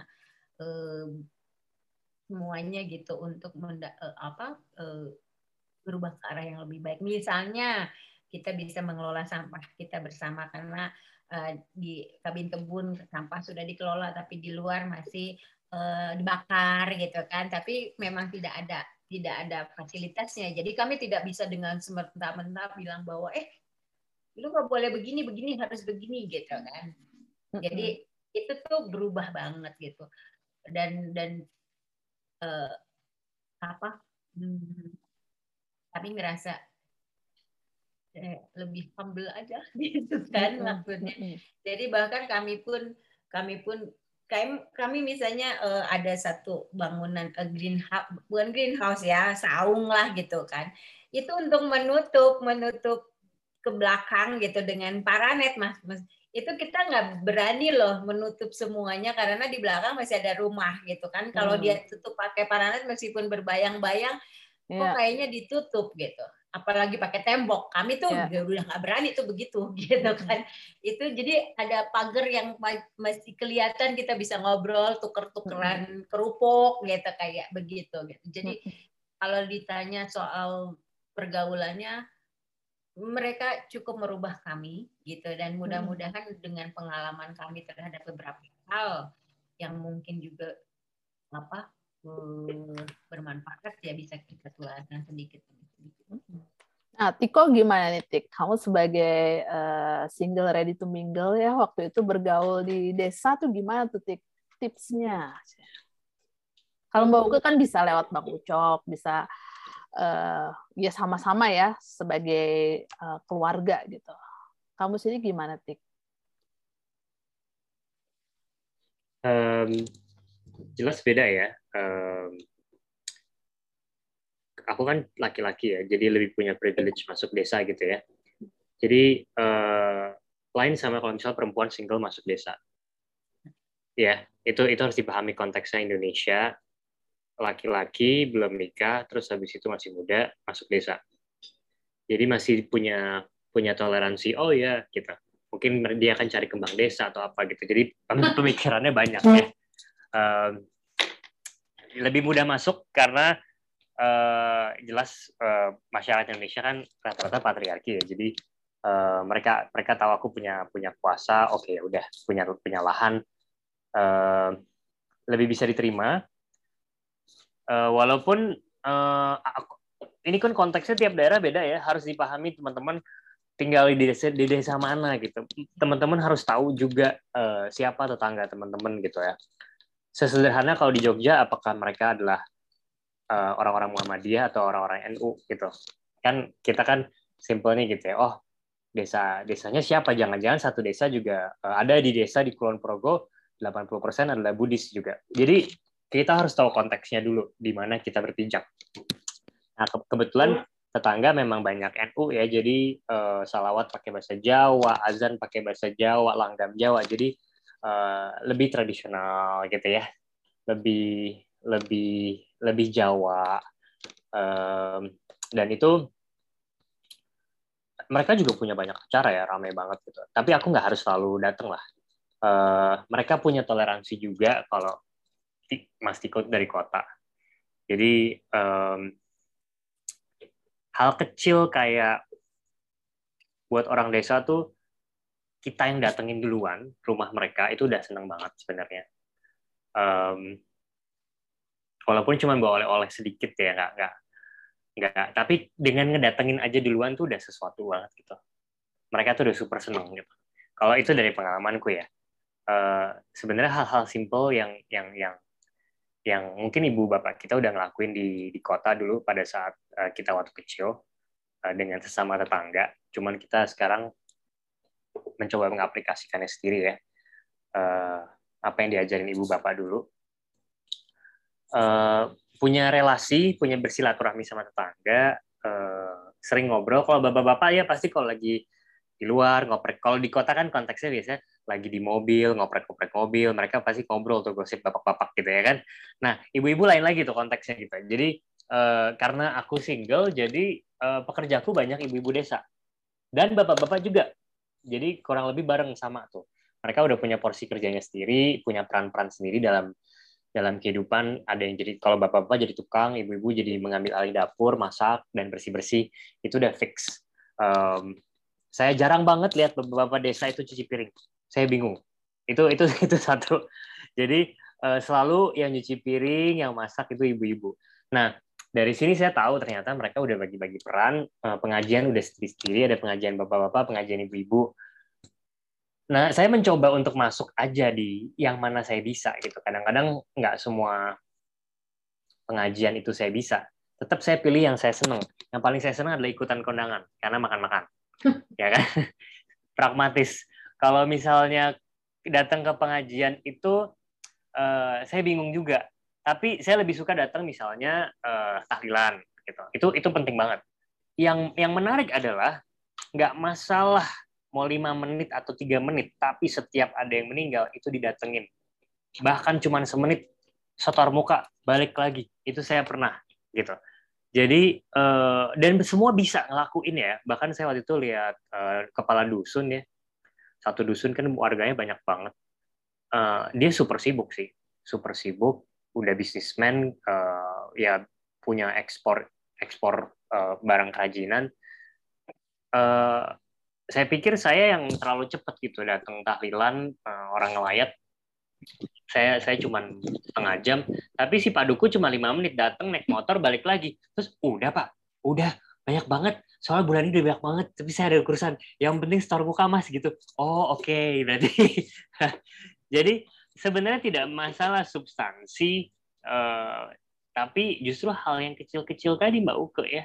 Uh, dengan uh, datang berbagi makanan yang kita punya, berbagi buah yang kita punya dari kebun, datengin cuman duduk lima menit ngobrol atau 10 menit di pas lagi sore sebelum maghrib itu tuh udah um, sederhana tapi buat mereka kerasa banget gitu. Itu membentuk jaring pengaman sendiri menurut saya. Jadi nggak nggak usah muluk-muluk. Pertanyaannya banyak banget dan dan semua orang takut dengan dengan pertanyaan itu ya. Dari awal saya saya uh, dapat tanah 2012 kalau bisa sih tik? Gitu. Atau enggak nanti lo gimana caranya? Gitu. Diterima sama warga gitu. Uh, dengan segudang ketakutan gitu ya. Uh, saya hanya menjadi diri saya sendiri satu triknya adalah strateginya warga adalah tim saya jadi banyak warga yang kerja di Kulatresna jadi mereka tahu kegiatan saya dari A sampai Z itu udah disebarin satu warga, satu satu desa. Mereka udah tahu. Kemudian kepala tukang saya anak Pak Kiai. Nah, itu strategi nomor dua. Jadi dia juga udah tahu kegiatan saya, bangun-bangun saya. Saya tidak mengumpet-ngumpetin apa-apa gitu, nggak ada taruh emas di berangkas juga nggak ada, nggak nggak ada gitu. Jadi ke, saya nggak nggak pesta atau apa. Maksudnya mereka tahu semuanya dari dapur saya sampai kamar mandi saya. Dan um, kegiatan saya cuma berkebun bangun rumah masak uh, ngolah sampah gitu-gitu kan. Maksudnya hal-hal yang akhirnya mereka sadar oh Mas Tiko emang manusia biasa aja sih kegiatannya. Bahkan bahkan minum jamu mereka sampai terbingung-bingung kok orang kota mau mas minum minum jamu satu liter gitu kunyit asam gitu. Mereka pikir saya nggak mau gitu. Eh, banyak hal-hal yang yang mereka kaget tapi dengan saya jadi diri saya apa adanya gimana jadi tetangga lah. Sederhana jadi tetangga bertetangga uh, temu muka terus uh, dan membuka pintu ya buat mereka semua untuk hadir gitu. Uh, menurut saya itu menurut saya itu strategi banget. Jadi mereka tahu sebenarnya uh, apa sih yang saya kerja di dalam saya nggak perlu bikin publikasi itu nggak ataupun saya harus sering datengin mereka cerita apa yang saya lakuin nggak perlu Cuman dengan dengan mereka hadir sebagai bagian dari tim, mereka tahu saya dapat dapat dapat dana uh, generating income dari mana, dari villa, dari restoran. Oh, udah cukup buat mereka. Malah mereka melindungi sendiri ya. Uh, justru dari kejadian-kejadian yang tidak diinginkan kayak waktu ada tamu saya dari luar negeri gitu, uh, cium-ciuman gitu ya dari kebetulan dari luar negeri Eropa gitu ya. Uh, udah dibilangin do's and don'ts-nya gitu. Tapi pas mereka lagi cium-ciuman tuh pas bubaran pengajian ibu-ibu waduh gitu ya kan itu langsung disamperin gitu ya kan tapi ternyata karena yang terjadi situ rata-rata semua orang desa ya orang-orang desa itu bisa memberikan pengertian sama sama semua ibu-ibu yang baru keluar pengajian kalau ini kan ekonomi desa juga nanti bisa dibilangin lah gitu jadi ya kurang lebih seperti itu. Jadi malah diproteksi sama warga sendiri. Benar. Uh, yang aku uh, catat tuh waktu Tiko masih buka uh, usahanya di desa, gerbangnya tuh hampir nggak pernah ditutup sepenuhnya ya, selalu ada dibuka gitu. Jadi di, itu kan sebuah gestur ya bahwa uh, walaupun kita dari, dari kota pindah ke desa masih bisa diakses gitu sama uh, masyarakat di sana. Soalnya orang desa itu kadang sangat sensitif ya sama hal-hal kayak gitu gitu.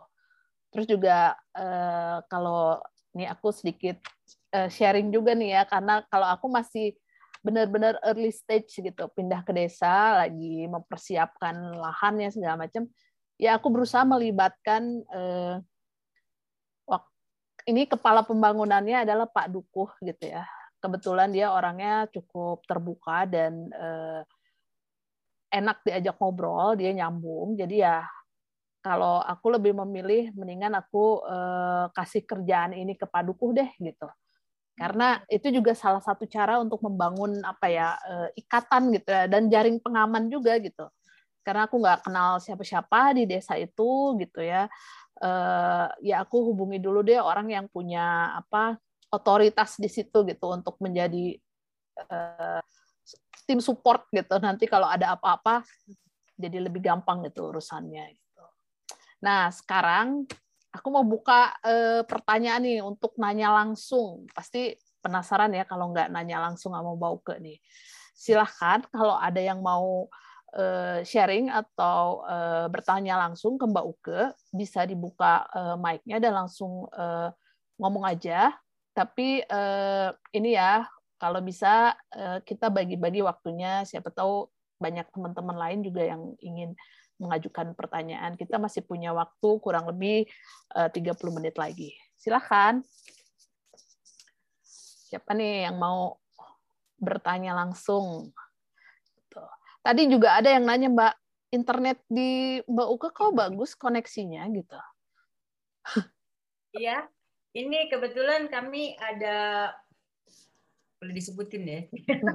ini sebetulnya bagus karena uh, BTS BTS itu ada di dekat di dekat uh, apa namanya bukit-bukit dekat kami. Karena hmm. kan kami di di atas ya, tapi hmm. ada ada kalanya juga waktu pertama-pertama itu nggak tahu kenapa ada beberapa provider yang nggak bisa. Jadi kami coba cari-cari terus gitu loh. Ini sekarang kami pakai uh, apa? Apa namanya ya? uh, dari Telkomsel itu. Nah, kita pakai pakai Oh, tadi sempat uh, eh, ini mungkin ada yang masih perlu dijelasin. Jadi sebenarnya visi kabin kebun dan keluarga Mbak Uke sendiri apa agar jadi seyakin itu? Oke, jadi mungkin sebetulnya ya itu ya kita ingin uh, uh, apa kalau di gambarannya gitu kita ingin sebuah kehidupan keluarga yang yang sustainable gitu kan yang maksudnya tidak tidak uh, memba, uh, tidak bukan sustainable aja tapi tidak merugikan ya merugikan diri kita merugikan orang di sekitar kita dan sesimpel tidak juga merugikan alam gitu. Karena kami betul-betul didorong. Kenapa bisa jadi konsisten? Karena kami menemukan alasan yang sangat kuat itu dari alasan yang uh, internal. Kami takut banget tidak bisa memberikan satu kehidupan gitu atau rasa optimis di anak kami bahwa ada kehidupan yang bisa lebih baik di depan. Jika kita juga melakukannya mulai dari sekarang salah satunya adalah memelihara lingkungan gitu. Karena isu kerusakan lingkungan itu salah satu isu yang paling yang paling kami uh, jadi concern ya yang jadi alasan kenapa kita merubah semua gaya hidup itu. Kenapa? Karena dari isu lingkungan itulah muncul konflik, muncul semuanya gitu atau berbalik ya ada karena ada perebutan sumber daya kemudian lingkungan menjadi lebih rusak dan segala macam ya. Pola konsumsi kita sudah sangat berlebihan gitu sehingga kita juga menjadi uh, overconsumption dan segala macam. Itu itu alasan yang paling yang paling mendasar. Uh, kami takut sekali gitu nanti pada saatnya anak kami misalnya di usianya yang 30 tahun. Karena uh, secara secara saintifik sudah diproklamirkan ya bahwa kita sedang dalam krisis. Kita aja tidak merasa gitu kan karena mungkin kita tidak ada di daerah pantai yang kena terus prob gitu kan atau tidak tidak di dalam uh, tempat bencana tapi karena kami ter exposure kami terhadap info itu kuat sekali itu yang menjadi dasar kami. Bagaimana kami bisa uh, apa survive? Kami mencoba untuk uh, ramah lingkungan itu bukan dalam rangka ingin melindungi alam gitu. Ingin melindungi diri sendiri. Kita ini survival mode sebetulnya gitu kan. Kami sedang menjalankan survival mode kami gitu dan memberikan rasa optimis kepada uh, putri kami gitu bahwa kita bisa kita bisa alam itu sebetulnya sangat memiliki agile gitu ya sangat agile untuk dan sangat kuat untuk bisa kita uh, apa namanya hidup di masa depan dengan lebih baik gitu. Misal kita sebagai individu-individu mau melakukannya. Karena kalau kita lihat semua baca dan dan ya dari sumber yang lebih terpercaya lah gitu loh tentang krisis ini. Ini kami sih ketakutan gitu kan. Jadi itu dasarnya, dasarnya gitu, dasarnya. Terus kami berlatih juga tentang bagaimana sih eh, tentang eh, bisa bisa hidup dengan lebih self sufficient kayak begitu begitu gitu kan ada ya sekarang gerakan bagaimana kita kalau ada doomsday itu kita masuk ke bunker, bunker. dan lain-lain kami berusaha untuk tidak begitu gitu kan. Kami bukan yang enggak yang aliran itu tapi kami berusaha menciptakan satu bentuk uh, kehidupan yang menurut kami mudah-mudahan juga bisa banyak uh, bukan diikuti ya tapi mungkin menginspirasi gitu loh bahwa ini mungkin dilakukan gitu misalnya sampah, kalau sampah itu 9, 60% eh, datangnya dari rumah tangga, ya berarti kita lah yang bisa juga jadi agen perubahannya gitu kan. Dari rumah kita masing-masing gitu. Jadi kontrolnya ada di kita justru gitu. Jadi itulah yang yang yang jadi apa visi kami gitu. Eh, sebuah sebuah keluarga yang mempunyai rasa optimis bisa melakukan apa eh, atau bisa menjalani kehidupan yang lebih baik gitu di masa mendatang dengan okay. berusaha baik terhadap diri terhadap maupun lingkungan. Oke, Mbak. Baru kemudian diturunin ini, semuanya tuh. Ini ada yang mengangkat tangan Mas Firdaus, tapi sebelumnya eh, silakan Mas Firdaus. Setelah itu nanti ada pertanyaan dari Mbak Karina nih yang belum dijawab. Eh, Mbak Uke dan Tiko nih bisa jawab cara atau hal-hal yang perlu diperhatikan dalam memilih tanah kafling di desa nih. Kalau ini udah lebih ke tips oh. and trick mencari lahan ya, yeah. gitu. Silakan mau uh, dijawab dulu pertanyaan dari Mbak Karina, habis itu Mas Firdaus ya. Oke. Okay. Aku jawab dulu ya, Tik ya. Yeah. Yeah.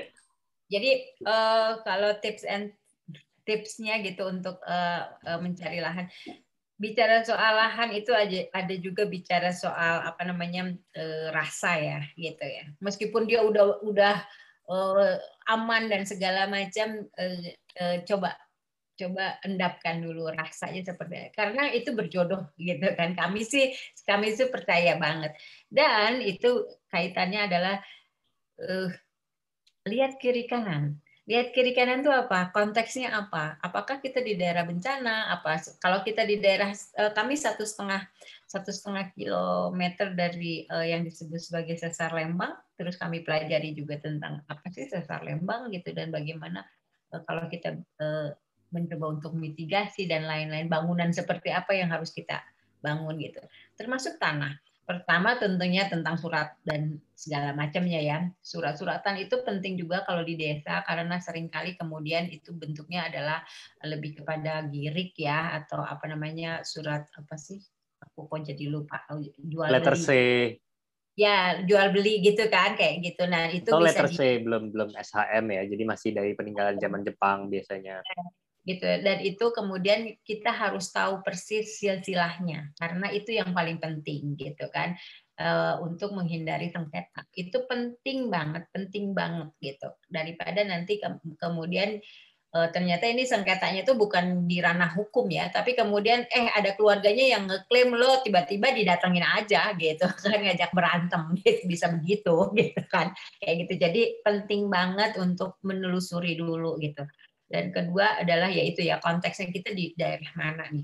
Kehidupan seperti apa sih yang ingin kita lakukan gitu dengan dengan di, di tanah itu gitu. Kalau misalnya itu adalah untuk berkebun, untuk kemudian untuk Eh, membuka usaha dan lain-lain ya kita harus lihat sekitarnya seperti apa gitu. Jangan keburu wah karena pemandangannya asik gitu kan?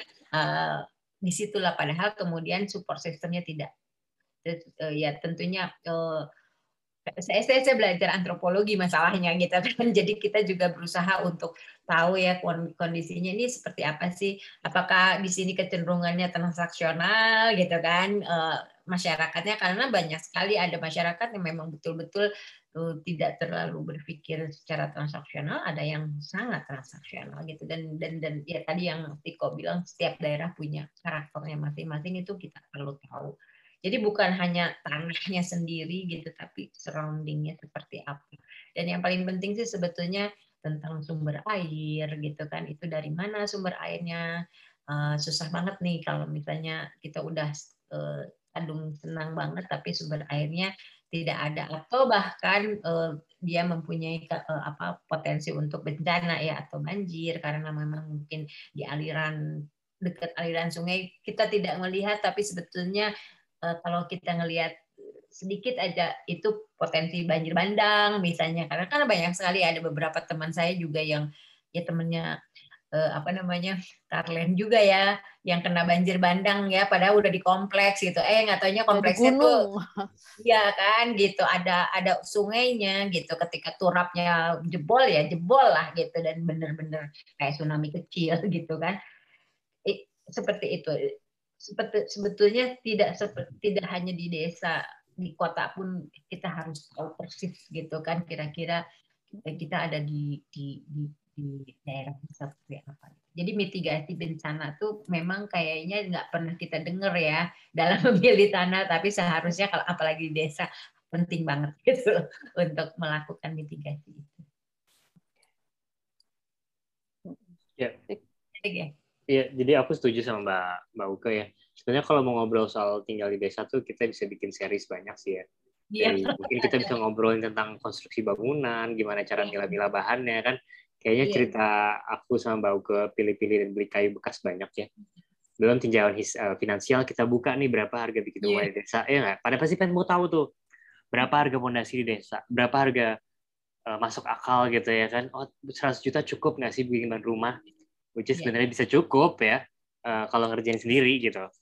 Uh, jadi kalau kalau aku ditanya milih-milih tanah ya tujuannya apa dulu ya? Seperti Mbak Uke bilang kalau mau jadi resor mau jadi kabin, mau jadi apa dulu nih, ya kan?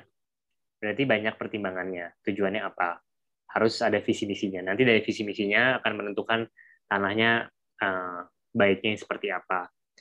Paling nggak satu PR visi misi kelar dan punya udah udah ada beberapa opsi. Kalau aku sih siapkan hmm, dulu pas aku beli tanah aku siapkan 10 opsi sih. Jadi uh, idealnya 10 opsi tapi dapetnya 6 terus dari 6 diturunin lagi jadi jadi satu kan dan itu pun uh, dicoba ya dulu berkali-kali kadang-kadang ya aku datang pagi siang sore dalam waktu yang berbeda dalam hari yang berbeda weekend dan weekdays yang berbeda karena aku kan menemukan uh, karakter-karakter sosial alam tanah iklim dan dan dan juga fakta-fakta hukum yang berbeda gitu pada saat kita datang berkali-kali ya jadi um, kalau tinggal di desa, eh, apa kalau membeli tanah desa, aku selalu cari um, karena di sana kan nggak ada kayak Ray White ataupun apa uh, property agent ya. Uh, justru yang menjadi property agent adalah orang-orang desa sendiri gitu. Kita harus bisa punya orang desa yang ngerti, yang bisa di Google gitu.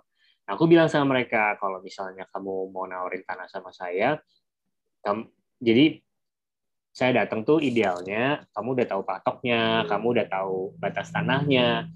Maksudnya kan saya butuh waktu ya ke, ke desa gitu. Masa sih saya datang terus tiba-tiba cuma tahu tanahnya dijual, belum tentu juga dijual, belum ada fotokopi sertifikat tanahnya, nggak tahu batasnya di mana, nggak tahu patoknya di mana, gimana saya bisa datang-datang sini lagi gitu ya. Jadi pastiin orang terpercaya di desa itu uh, bisa punya cukup informasi buat kita bisa bolak-balik nanti sendiri untuk ngerasa-rasani tadi. Nah itu uh, tadi aku setuju dengan dirasa-rasani ya, karena ini persoalan rosso ya kalau orang Jawa ya. Tanah itu adalah pulung, tanah itu jodoh gitu. Tanah tanah itu punya maksud pasti. Apakah cocok nggak cocok kita bisa mungkin mencoba berkali-kali dulu datang sebelum memutuskan ya. Nah tinjauannya banyak tuh tadi alam, tanah, iklim. Ya kalau ideal sih banyak, sangat sulit ya ideal. Um, kalau kalau kalau ngomong soal tanah atau alam atau iklim yang ideal itu bisa satu kelas sendiri itu masuk permaculture sendiri tuh ya. uh, tapi semua itu bisa di, direkonstruksi dan diolah ya Mbak Uke ya. Jangan khawatir tanah yang tidak sehat pun bisa diolah menjadi tanah yang sehat ya. Um, terus kalau dari segi sosial penting juga uh, kita harus kenal landscape-nya uh, siapa sih orang-orang di sekitar kita. Terus uh, yang paling penting aku setuju sama Mbak Uke sebagai orang antropologi tinjauan historis itu penting sekali sejarahnya itu tanah karena dari, dari tinjauan historis itu ada sosial hukum alam uh, ada fakta-fakta yang dibaliknya yang menarik banget kita kita bisa hmm, oke okay, gitu nah terus uh, kalau aku sih jangan terburu-buru hmm, pastikan uh, visi visinya jelas dulu gitu kalau ataupun sendirian atau masih single uh, mau mau bikin apa gitu. Terus kalau belum kalau misalnya pengen cari pasangan dulu monggo gitu. Gak usah terburu-buru.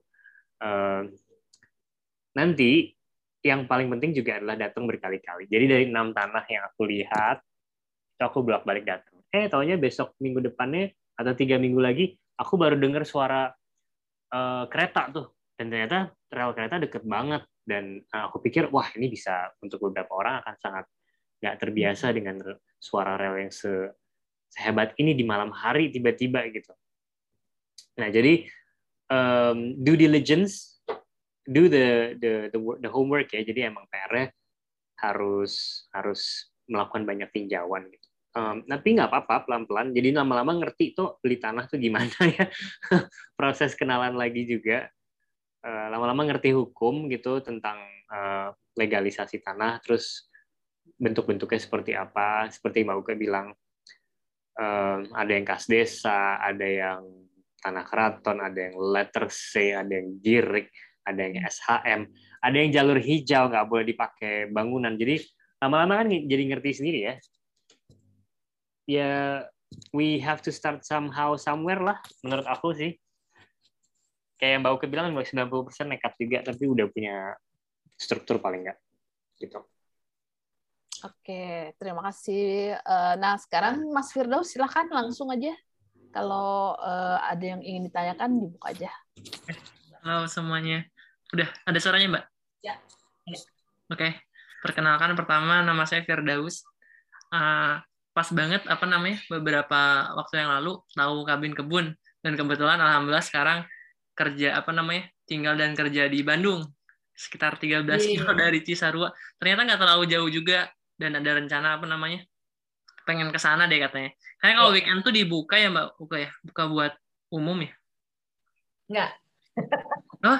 jadi, jadi saya harus harus harus uh, sampaikan ini kan sebetulnya kabin kebun itu kan ke, ya. kediaman hunian biasa ya, hmm. bukan bukan apa bukan tempat umum maupun tempat wisata apalagi hmm. gitu. Jadi uh, ini rumah kami yang kebetulan kalau setiap akhir pekan kami memang membuka kabin gitu dan untuk membuka kabin tentunya kan ada reservasi ya. gitu kan. Nah, reservasinya uh, uh, ada di semuanya di Instagram bagaimana reservasinya okay. gitu. Jadi karena itu kemudian yang menginap ya hanya buat dia aja. Ya, gitu. aja. Oke, okay, oke. Okay. Yang lain-lain kalau kalau datang ya eh, mohon maaf gitu kan kami tidak ada yang yang Kayak. tidak ada yang bisa diterima gitu karena memang uh, privacy yang menginap juga kami uh, menghargai Terus kemudian juga yang kedua kalau misalnya pun di weekdays datang ya harus eh, apa namanya janjian gitu hmm. karena itu kan waktu kami juga kami hanya bertiga ya ada saya suami saya dan anak saya gitu jadi kadang-kadang ya kami juga harus pergi atau kadang-kadang kami juga Jadi karena bukan tempat umum, mohon maaf eh, semuanya eh, janjian gitu Ya, kan. ya, siap. Nah, gitu. Di yang di WA yang di bio itu mbak ya? Kenapa kenapa? Lewat WA, yang nomor HP yang Betul, di betul, betul. Nah, kalau misalnya dan kami sekarang sesudah enam tahun agak lebih menstrukturkan gitu karena bingung juga ya kalau yang datang ujuk-ujuk gitu kan. Mau apa mau lihat-lihat apa yang mau dilihat gitu kan. Gue juga bingung gitu kan. mau nemenin bingung mau apa gitu. Ya eh, apa ya eh, apa namanya jadi kami eh, membuka beberapa program gitu. Jadi lebih terstruktur. Kalau misalnya mau belajar ayo kita belajar bersama gitu kan. Mendapatkan yang lebih lebih apa lebih ya namanya terstruktur ya. Jadi ada ada ada apa ada ada kurikulum bukan kurikulum apa Lebih ya maksimal lah ya Mbak Ya, ya. Ya, dipelajari. supaya supaya memang memang apa secara secara eh, secara pengalaman bi- bisa lebih lebih Seru ya. lebih baik gitu kan kayak begitu jadi dan itu juga mengurangi mohon maaf gitu mengurangi beban kami Eh, kan kami bekerja ya gitu deh di kebun gitu kan tiba-tiba datang kucuk-kucuk gitu kan bingung gitu kan aku aja masih pakai celana pendek lah atau apa gitu kan gue kadang-kadang garuk-garuk gitu gimana ya gitu. Apalagi waktu pas pandemi sih memang kami tutup sama sekali gitu kan kayak gitu. Bahkan keluarga pun kan kita eh, mencoba untuk eh, ya lo janjian dong gitu kan kayak begitu gitu kan. Jadi eh, pada dasarnya karena ini rumah pribadi gitu kan ya eh, hendaknya ya eh, memberitahu Oke mbak. Ya ada rencana pengen reservasi sih cuma nanti kayak nanya-nanya dulu gitu. Oh Kebetulan iya, iya, iya, silakan pasti ada. Karena harus harus memang ditanyakan karena informasinya cukup panjang supaya bisa dipahami gitu kan. Karena bukan kami kan bukan hotel ya. Iya. jadi jadi eh, agak lain gitu kan eh, apa penang penanganannya. Kalau itu kalau Tiko kan villa gitu kan ad- udah ada ada ada apa ada timnya mungkin ya Tik ya gitu kan. Kalau ini kan kami kan bukan ini kediaman yang memang kebetulan setiap akhir pekan kita buka gitu dan eh, kepada mereka yang memang tertarik untuk eh, mengenal lebih sedikit lah gitu kan tentang slow living apa. Karena kami ada kegiatan keliling kebun kita ceritakan. Oh my god. nah tentang segala macam. Jadi pantai pantau terus ya eh, informasi kegiatannya Kabin Kebun lewat Instagramnya Kabin Kebun. Ya gitu. lebih kayak gitu. Tapi eh, Mbak Uke, aku bilang kita bisa bikin definisi sendiri ya. Di Kulatresna juga villanya kita bilang em, tim desa harus balik ke rumah sebelum jam 6. Jam 6 mereka harus balik ku- kumpul bersama keluarga. Itu di do's and don'ts-nya pada saat mereka check-in Iya, kita kasih tahu. ada ya makanya panjang jadinya ya Panjang betul. Jadi mereka kita kasih tahu kalau selamat datang di desa dan jangan berekspektasi ini akan semua serba kayak di kota ya gitu. Ya benar. Lebih seru sih kayak. Gitu. Ya jadi Jadi memang kami eh, kasih semuanya, apalagi kami kan self service ya, jadi semuanya semua ada dapurnya sendiri dan lain-lain gitu. Jadi eh, eh, diharapkan untuk untuk tidak membawa eh, potensi sampah berlebihan gitu kan. Kalaupun di sini harus memilah sampahnya, itu kan bagian dari apa gaya hidup kami yang kami juga tularkan gitu kan kayak gitu gitu. Tapi eh, ya gitulah gitulah terus uh, misalnya misalnya ya tadi yang seperti uh, Tiko bilang gitu uh, semuanya kita uh, cantumkan ketika ada pertanyaan-pertanyaan oh aku pengen ke sana seperti apa Oh, banyak. Nah, di Instagram kan ada ada apa namanya ada info kabinnya gitu kayak gitu Oke, masih ada pertanyaan lain Mas Firdaus? Paling apa namanya? Iya di apa namanya? Eh, di generasiku kan kayak aku lahir di 2000-an gitu dengan kondisi apa namanya serba cepat dan lain sebagainya. Jadi kayak menarik banget emang eh, lifestyle ini tuh ya. Jadi apa namanya kayak lebih eh, gimana ya? Eh, kalau kakek sendiri kan dulu dari eh, desa juga gitu. Jadi kayak emang kadang ada terbesit itu setiap lebaran kayak kan mudik ke sana tuh. Duh kayak uh, seru juga nih bikin apa nih kayak di kota dan ya, di desa gitu dan sebagainya. Nah paling mau nanya ini mbak kebetulan lagi apa namanya baru menikah juga terus kayak lagi nyari-nyari barang gitu. Sebenarnya nemuin barang-barang apa namanya bekas gitu tuh uh, gimana ya caranya nyarinya kan kalau mungkin di marketplace atau gimana gitu ya nyarinya. Terima kasih paling itu aja. Atur ya. Jadi jadi uh, tentang barang bekas tuh banyak banget ya uh, pertanyaannya karena katanya kan lu kan bukan orang orang Bandung gitu. Kok bisa dapetin begitu banyak ya memang kami itu balik lagi ke fokus ya. Jadi kita bicara lagi soal prioritas. Prioritas pertama kami ketika kami datang sini adalah tentang papan, artinya rumah gitu kan. Dan rumah yang kami ingin bangun itu dengan spesifikasi begini begini begini begini. Uh, dalam rangka untuk meringankan Eh, beban kepada lingkungan. Artinya kami akan menggunakan bahan bekas cukup banyak gitu. Jadi meskipun kita pengen banget gitu ke toko-toko eh, peralatan gitu yang baru-baru itu gitu kita nggak datang ke sana. Nggak akan dapat kita di mau di marketplace juga tentunya kita harus tahu keywordsnya apa gitu kan. Artinya berarti kita cari tukang loak. Sesudah itu dari tukang loak kita cari tukang loak itu kan loak, loak. Jangan loak uh, toples dan lain-lain dulu ya, tapi loak bahan bangunan gitu, artinya kayu bekas dan lain-lain. Nongkronglah di sana. Di situlah kita bicara bagaimana menghilangkan noise, noise uh, noise apa suara-suara bising yang mengajak kita untuk eh di sana ada diskon nih ada ini dan kita fokus ya fokus. fokus gitu fokus gitu kan. Duduk manis dengerin semuanya itu dapat semuanya. Itu fokus hmm. penting banget fokus hanya kita bisa dapat ketika kita tahu prioritasnya apa gitu sesudah itu pasti dapat itu yang orang selalu bilang mestakung semesta mendukung padahal ya. karena kita hening hening ya. terhadap semua godaan-godaan yang yang tidak relevan terhadap apa yang ingin kita capai gitu. Jadi meskipun mencari bahan bekas harus ada itunya gitu kan. Mm -hmm. Harus ada fokusnya ya. Kalau enggak bobol pasti. Benar. Makanya perencanaan itu memang penting ya. Jadinya kita ya. mencari yang kita butuhkan bukan yang ya. kita inginkan gitu ya, Mbak. Betul. Dan sebenarnya eh, ini aku sedikit berkomentar aja. Eh, Mas Firdaus mulai eh, masih di usia muda tuh keuntungannya adalah masih punya banyak energi buat gagal. Betul. Jadi kalau gagal, energinya untuk coba lagi, masih. coba lagi tuh masih banyak gitu. Karena semakin bertambah umur, kita tuh akan semakin takut gagal dan nggak cukup banyak energi untuk eh, apa ya mencoba lagi gitu. Jadi semakin bertambah tua semakin banyak takutnya sih biasanya ya. Jadi ya itu sebuah privilege sih kalau bisa mulai uh, di apa ya sebelum 30 atau ya 30-an gitu tuh itu sebuah privilege banget gitu. Yeah. Gitu.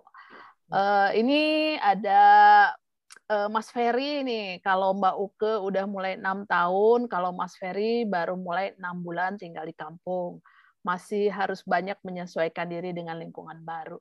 Ya emang ya itu eh, penyesuaian tuh memang apa ya? Ya di mana pun juga sebenarnya ya, karena hidup tuh adalah perkenalan terus menerus gitu dengan segala hal yang terjadi setiap hari ya. Gitu. Ada lagi nih yang mau nanya langsung ke Mbak Oke, kita eh, masih punya waktu 10 menit sebelum kita tutup. Jadi ini pertanyaan terakhir silahkan. Atau bisa Tiko masih mau apa sharing nih pengalaman kamu Tik. Kamu kan ngebangun usaha ya. Uh, gimana lesson learn gini ketika harus ditutup usahanya gitu dan tetap membina hubungan baik dengan orang desa gitu gimana Tik?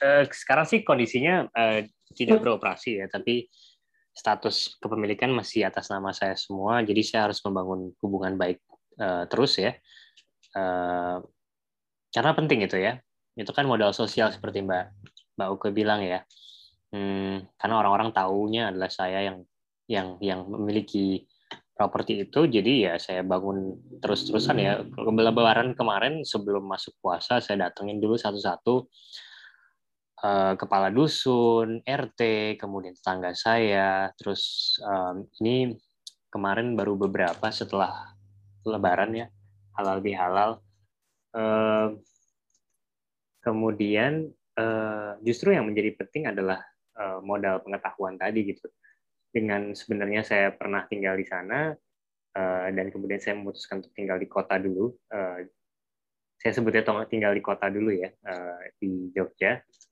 Saya jadi tahu sebenarnya di mana lokasi-lokasi sumber daya alam. Ya, kayak Mbak Uke bilang banyak yang bisa dibuat gitu. Uh, saya tahu di mana lokasi gula kelapa, ya supply supplier uh, resto saya kan semua dari banyak dari desa gitu.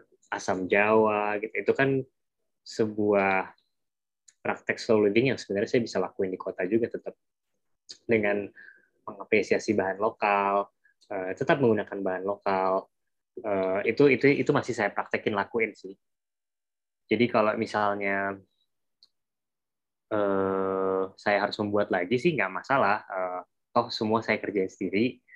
Uh, saya tahu di mana harus beli barang bekas. Sebenarnya nongkrong mas, mas uh, Mas Firdaus ya kerjanya itu nongkrong gitu ya uh, saya tahu saya tahu tanah itu dijual gara-gara saya nongkrong di warung pecel lele terus habis itu saya tahu di mana jadi gini di desa itu kan nggak bisa nge-google ya. Nge-google itu adalah orang-orang sekitar. Jadi Google di desa itu adalah orang-orang.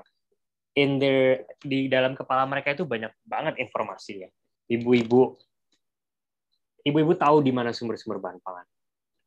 Terus kemudian bapak-bapak, bapak-bapak tahu sumber bahan papan semuanya. Uh, jadi kita harus rajin nongkrong seperti yang kayak Mbak Uga bilang gitu. Justru menggali informasinya di Google adalah dengan menjadi bagian dari dari mereka gitu. Menyetarakan diri dengan mereka, kemudian menjadi bagian dari mereka. Uh, kan berarti ada trust ya. Kan kita ngebangun trust dulu gitu. Kalau di Google kan nggak usah pakai trust-trustan dapat informasi langsung gitu aja ya tapi kalau di sini tantangannya sosial ya kita harus mendapatkan trust dulu, baru habis itu dapetin dan nanya semua informasi. Dan itu saya terapkan di di, di banyak hal gitu. Uh, yang paling penting sih dalam dalam berbisnis gara-gara tinggal di desa adalah membangun trust dulu sih. Karena kalau udah trust terbangun, apa aja dibeli mas yang kita produksi gitu. Um, itu sih lesson learn yang paling paling utama. Modal pengetahuan knowledge uh, itu yang yang yang intangible ya mbak Uke ya. Tapi penting banget itu untuk berkelanjutan. Justru yang fisik-fisik itu just, uh, aset duit itu bisa hilang ya dari dana gitu ya. Tapi yang pengetahuan sama informasi ini uh, ketukangan Eh, resep gitu ya di mana lokasi sumber daya ini sumber daya itu siapa pengrajinnya itu menarik banget itu nggak akan habis sih hmm. gitu bisa bisa justru um, berkelanjutan gitu ya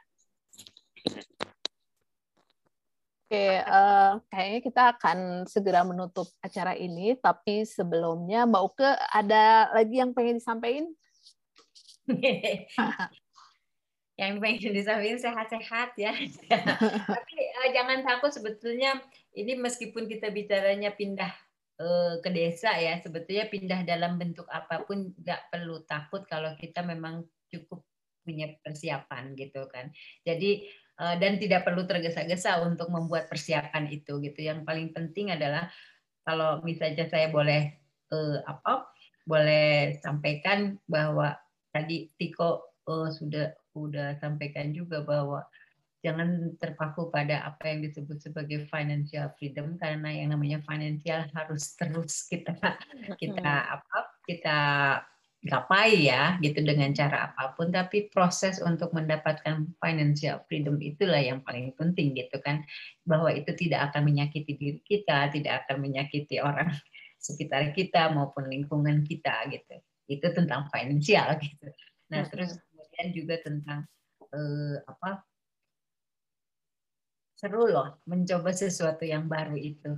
Saya mencoba merasa bahwa waktu kami pindah ke sini saya sudah berusia 50 tahun waktu itu dan Ucok sudah 55 tahun. Jadi bukan usia yang muda ya dan kami merasa kenapa kita nggak dari dulu ya seru juga ya gitu kan karena ada ada satu gairah baru ya maksudnya untuk ih mencoba hal-hal baru dan ternyata kita menemukan beberapa potensi yang kita tidak pernah akses sebelumnya gitu. Jadi kayak misalnya berkebun pun ya ya saya baru enam tahun ini aja lah gitu kan berkebun. Dan itu very rewarding gitu kan kayak begitu. Jadi ternyata dan uh, knowledge itu ya knowledge itu yang kemudian kita uh, sangat sangat sangat penting bagi kehidupan kita dan jangan lupa sesudah kita memiliki knowledge-nya kita bagikan knowledge itu gitu. karena itu kemudian akan menjadi riak bulir ya ya yang yang yang akan menguatkan kita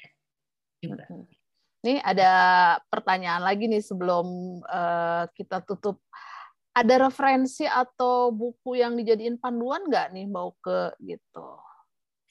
Uh, kalau buku sebetulnya banyak sekali ya.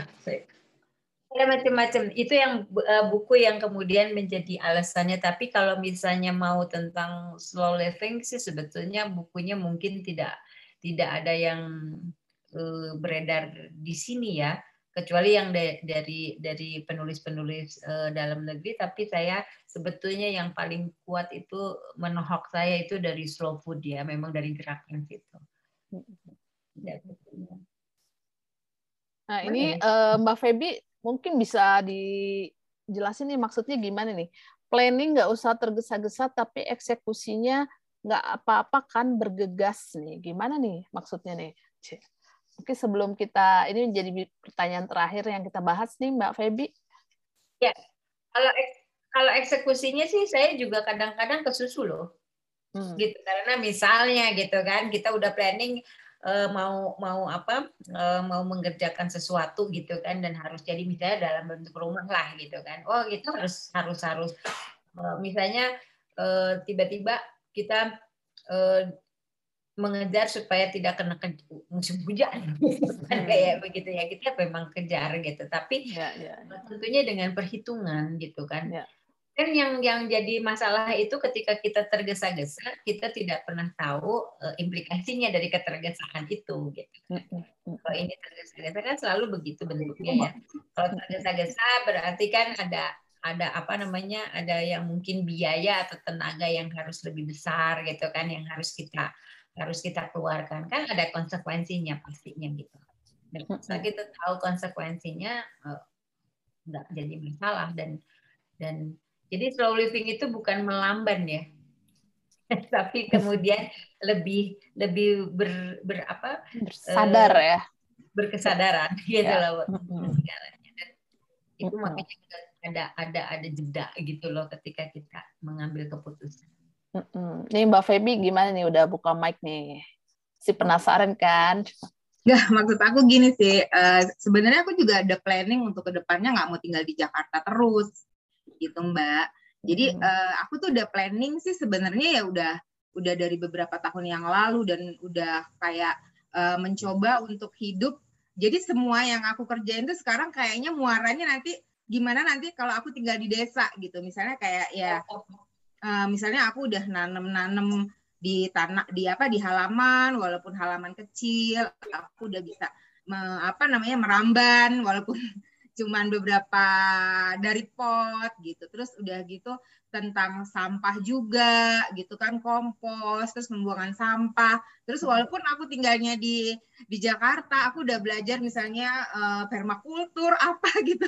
Walaupun sebenarnya mau nanam di mana tanah juga belum ada gitu kan. Terus misalnya tentang pembuangan air rumah tangga gitu-gitu loh nah terus jadi yang aku pikirin emang sih planningnya tuh nggak boleh buru-buru tapi kayaknya kalau misalnya nggak dieksekusi eksekusi kan juga uh, umur udah berjalan terus gitu kan. Terus eh, nggak uh, mau dong nanti gue tua uh, pas pindah pas udah tua tuh sudah bisa nggak bisa ngapa-ngapain lagi gitu kan. Hmm. itu yang yang sekarang tuh kayak masih ber masih dilemanya tuh itu gitu uh, antara mau buru-buru uh, bukan buru-buru ya bilangnya ya apa ya jadinya ya mau untuk untuk langsung pindah atau aku harus mengerem-ngerem dulu gitu.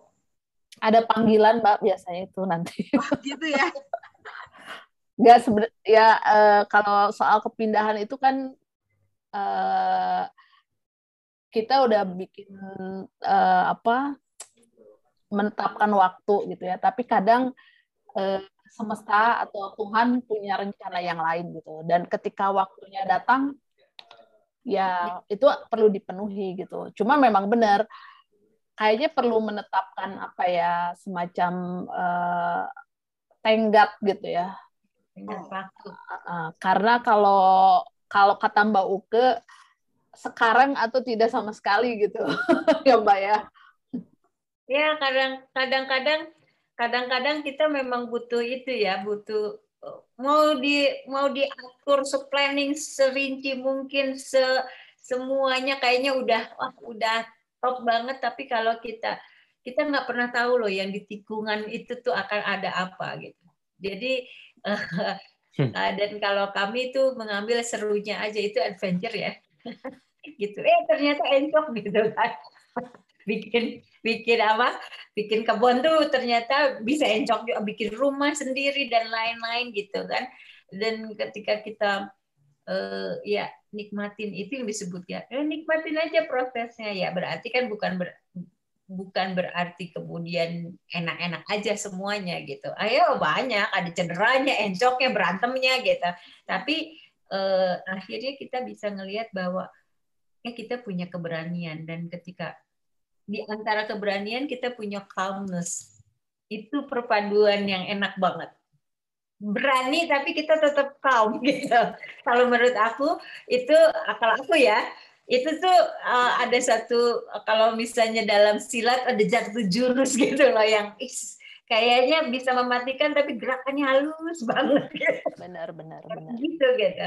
Dan benar. itu kayak uh, Tarlen bilang ada call masing-masing tuh punya tuh itunya. Mm-hmm. itu sih aku percaya. Ya yeah.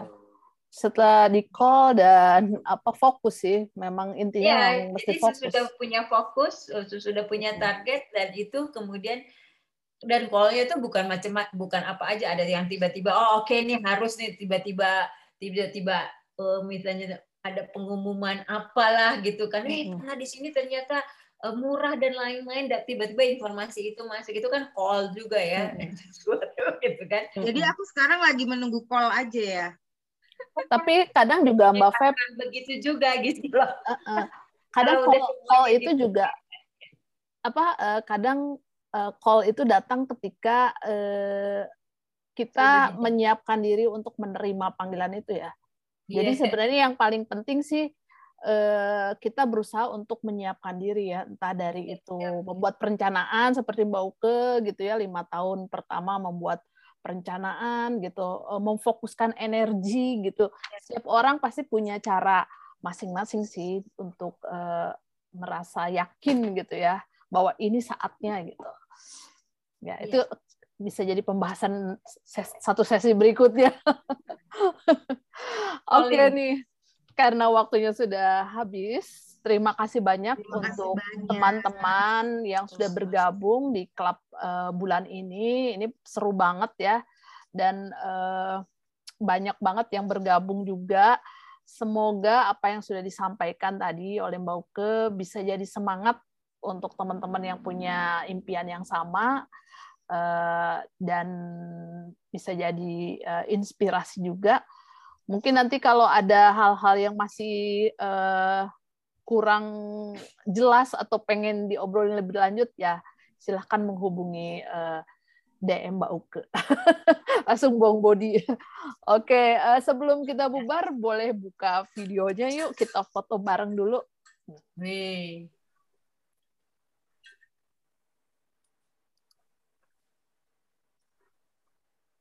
Oke, uh, silahkan dibuka. Oke, satu, dua, tiga. Sekali lagi, ini karena ada tiga, uh, udah tinggal dua page. Uh, satu, dua, tiga. Oke, terima kasih banyak semuanya. Uh, Selamat banyak. Beristirahat. Terima kasih banyak sudah meluangkan waktu untuk gabung di uh, obrolan malam ini dan bulan depan kita akan ada klub lagi. Eh, gabung aja informasinya semua akan diberitahukan di kanal Klub Masak Sirja di Telegram ya. Jadi silakan gabung di Telegramnya Klub Masak. Oke, terima kasih banyak semuanya. Selamat malam. Malam, thank you Kak. Iya, Thank makasih you Mbak Ale. Uta. Bye. Thank you Mas Bye. Tiko. Bye.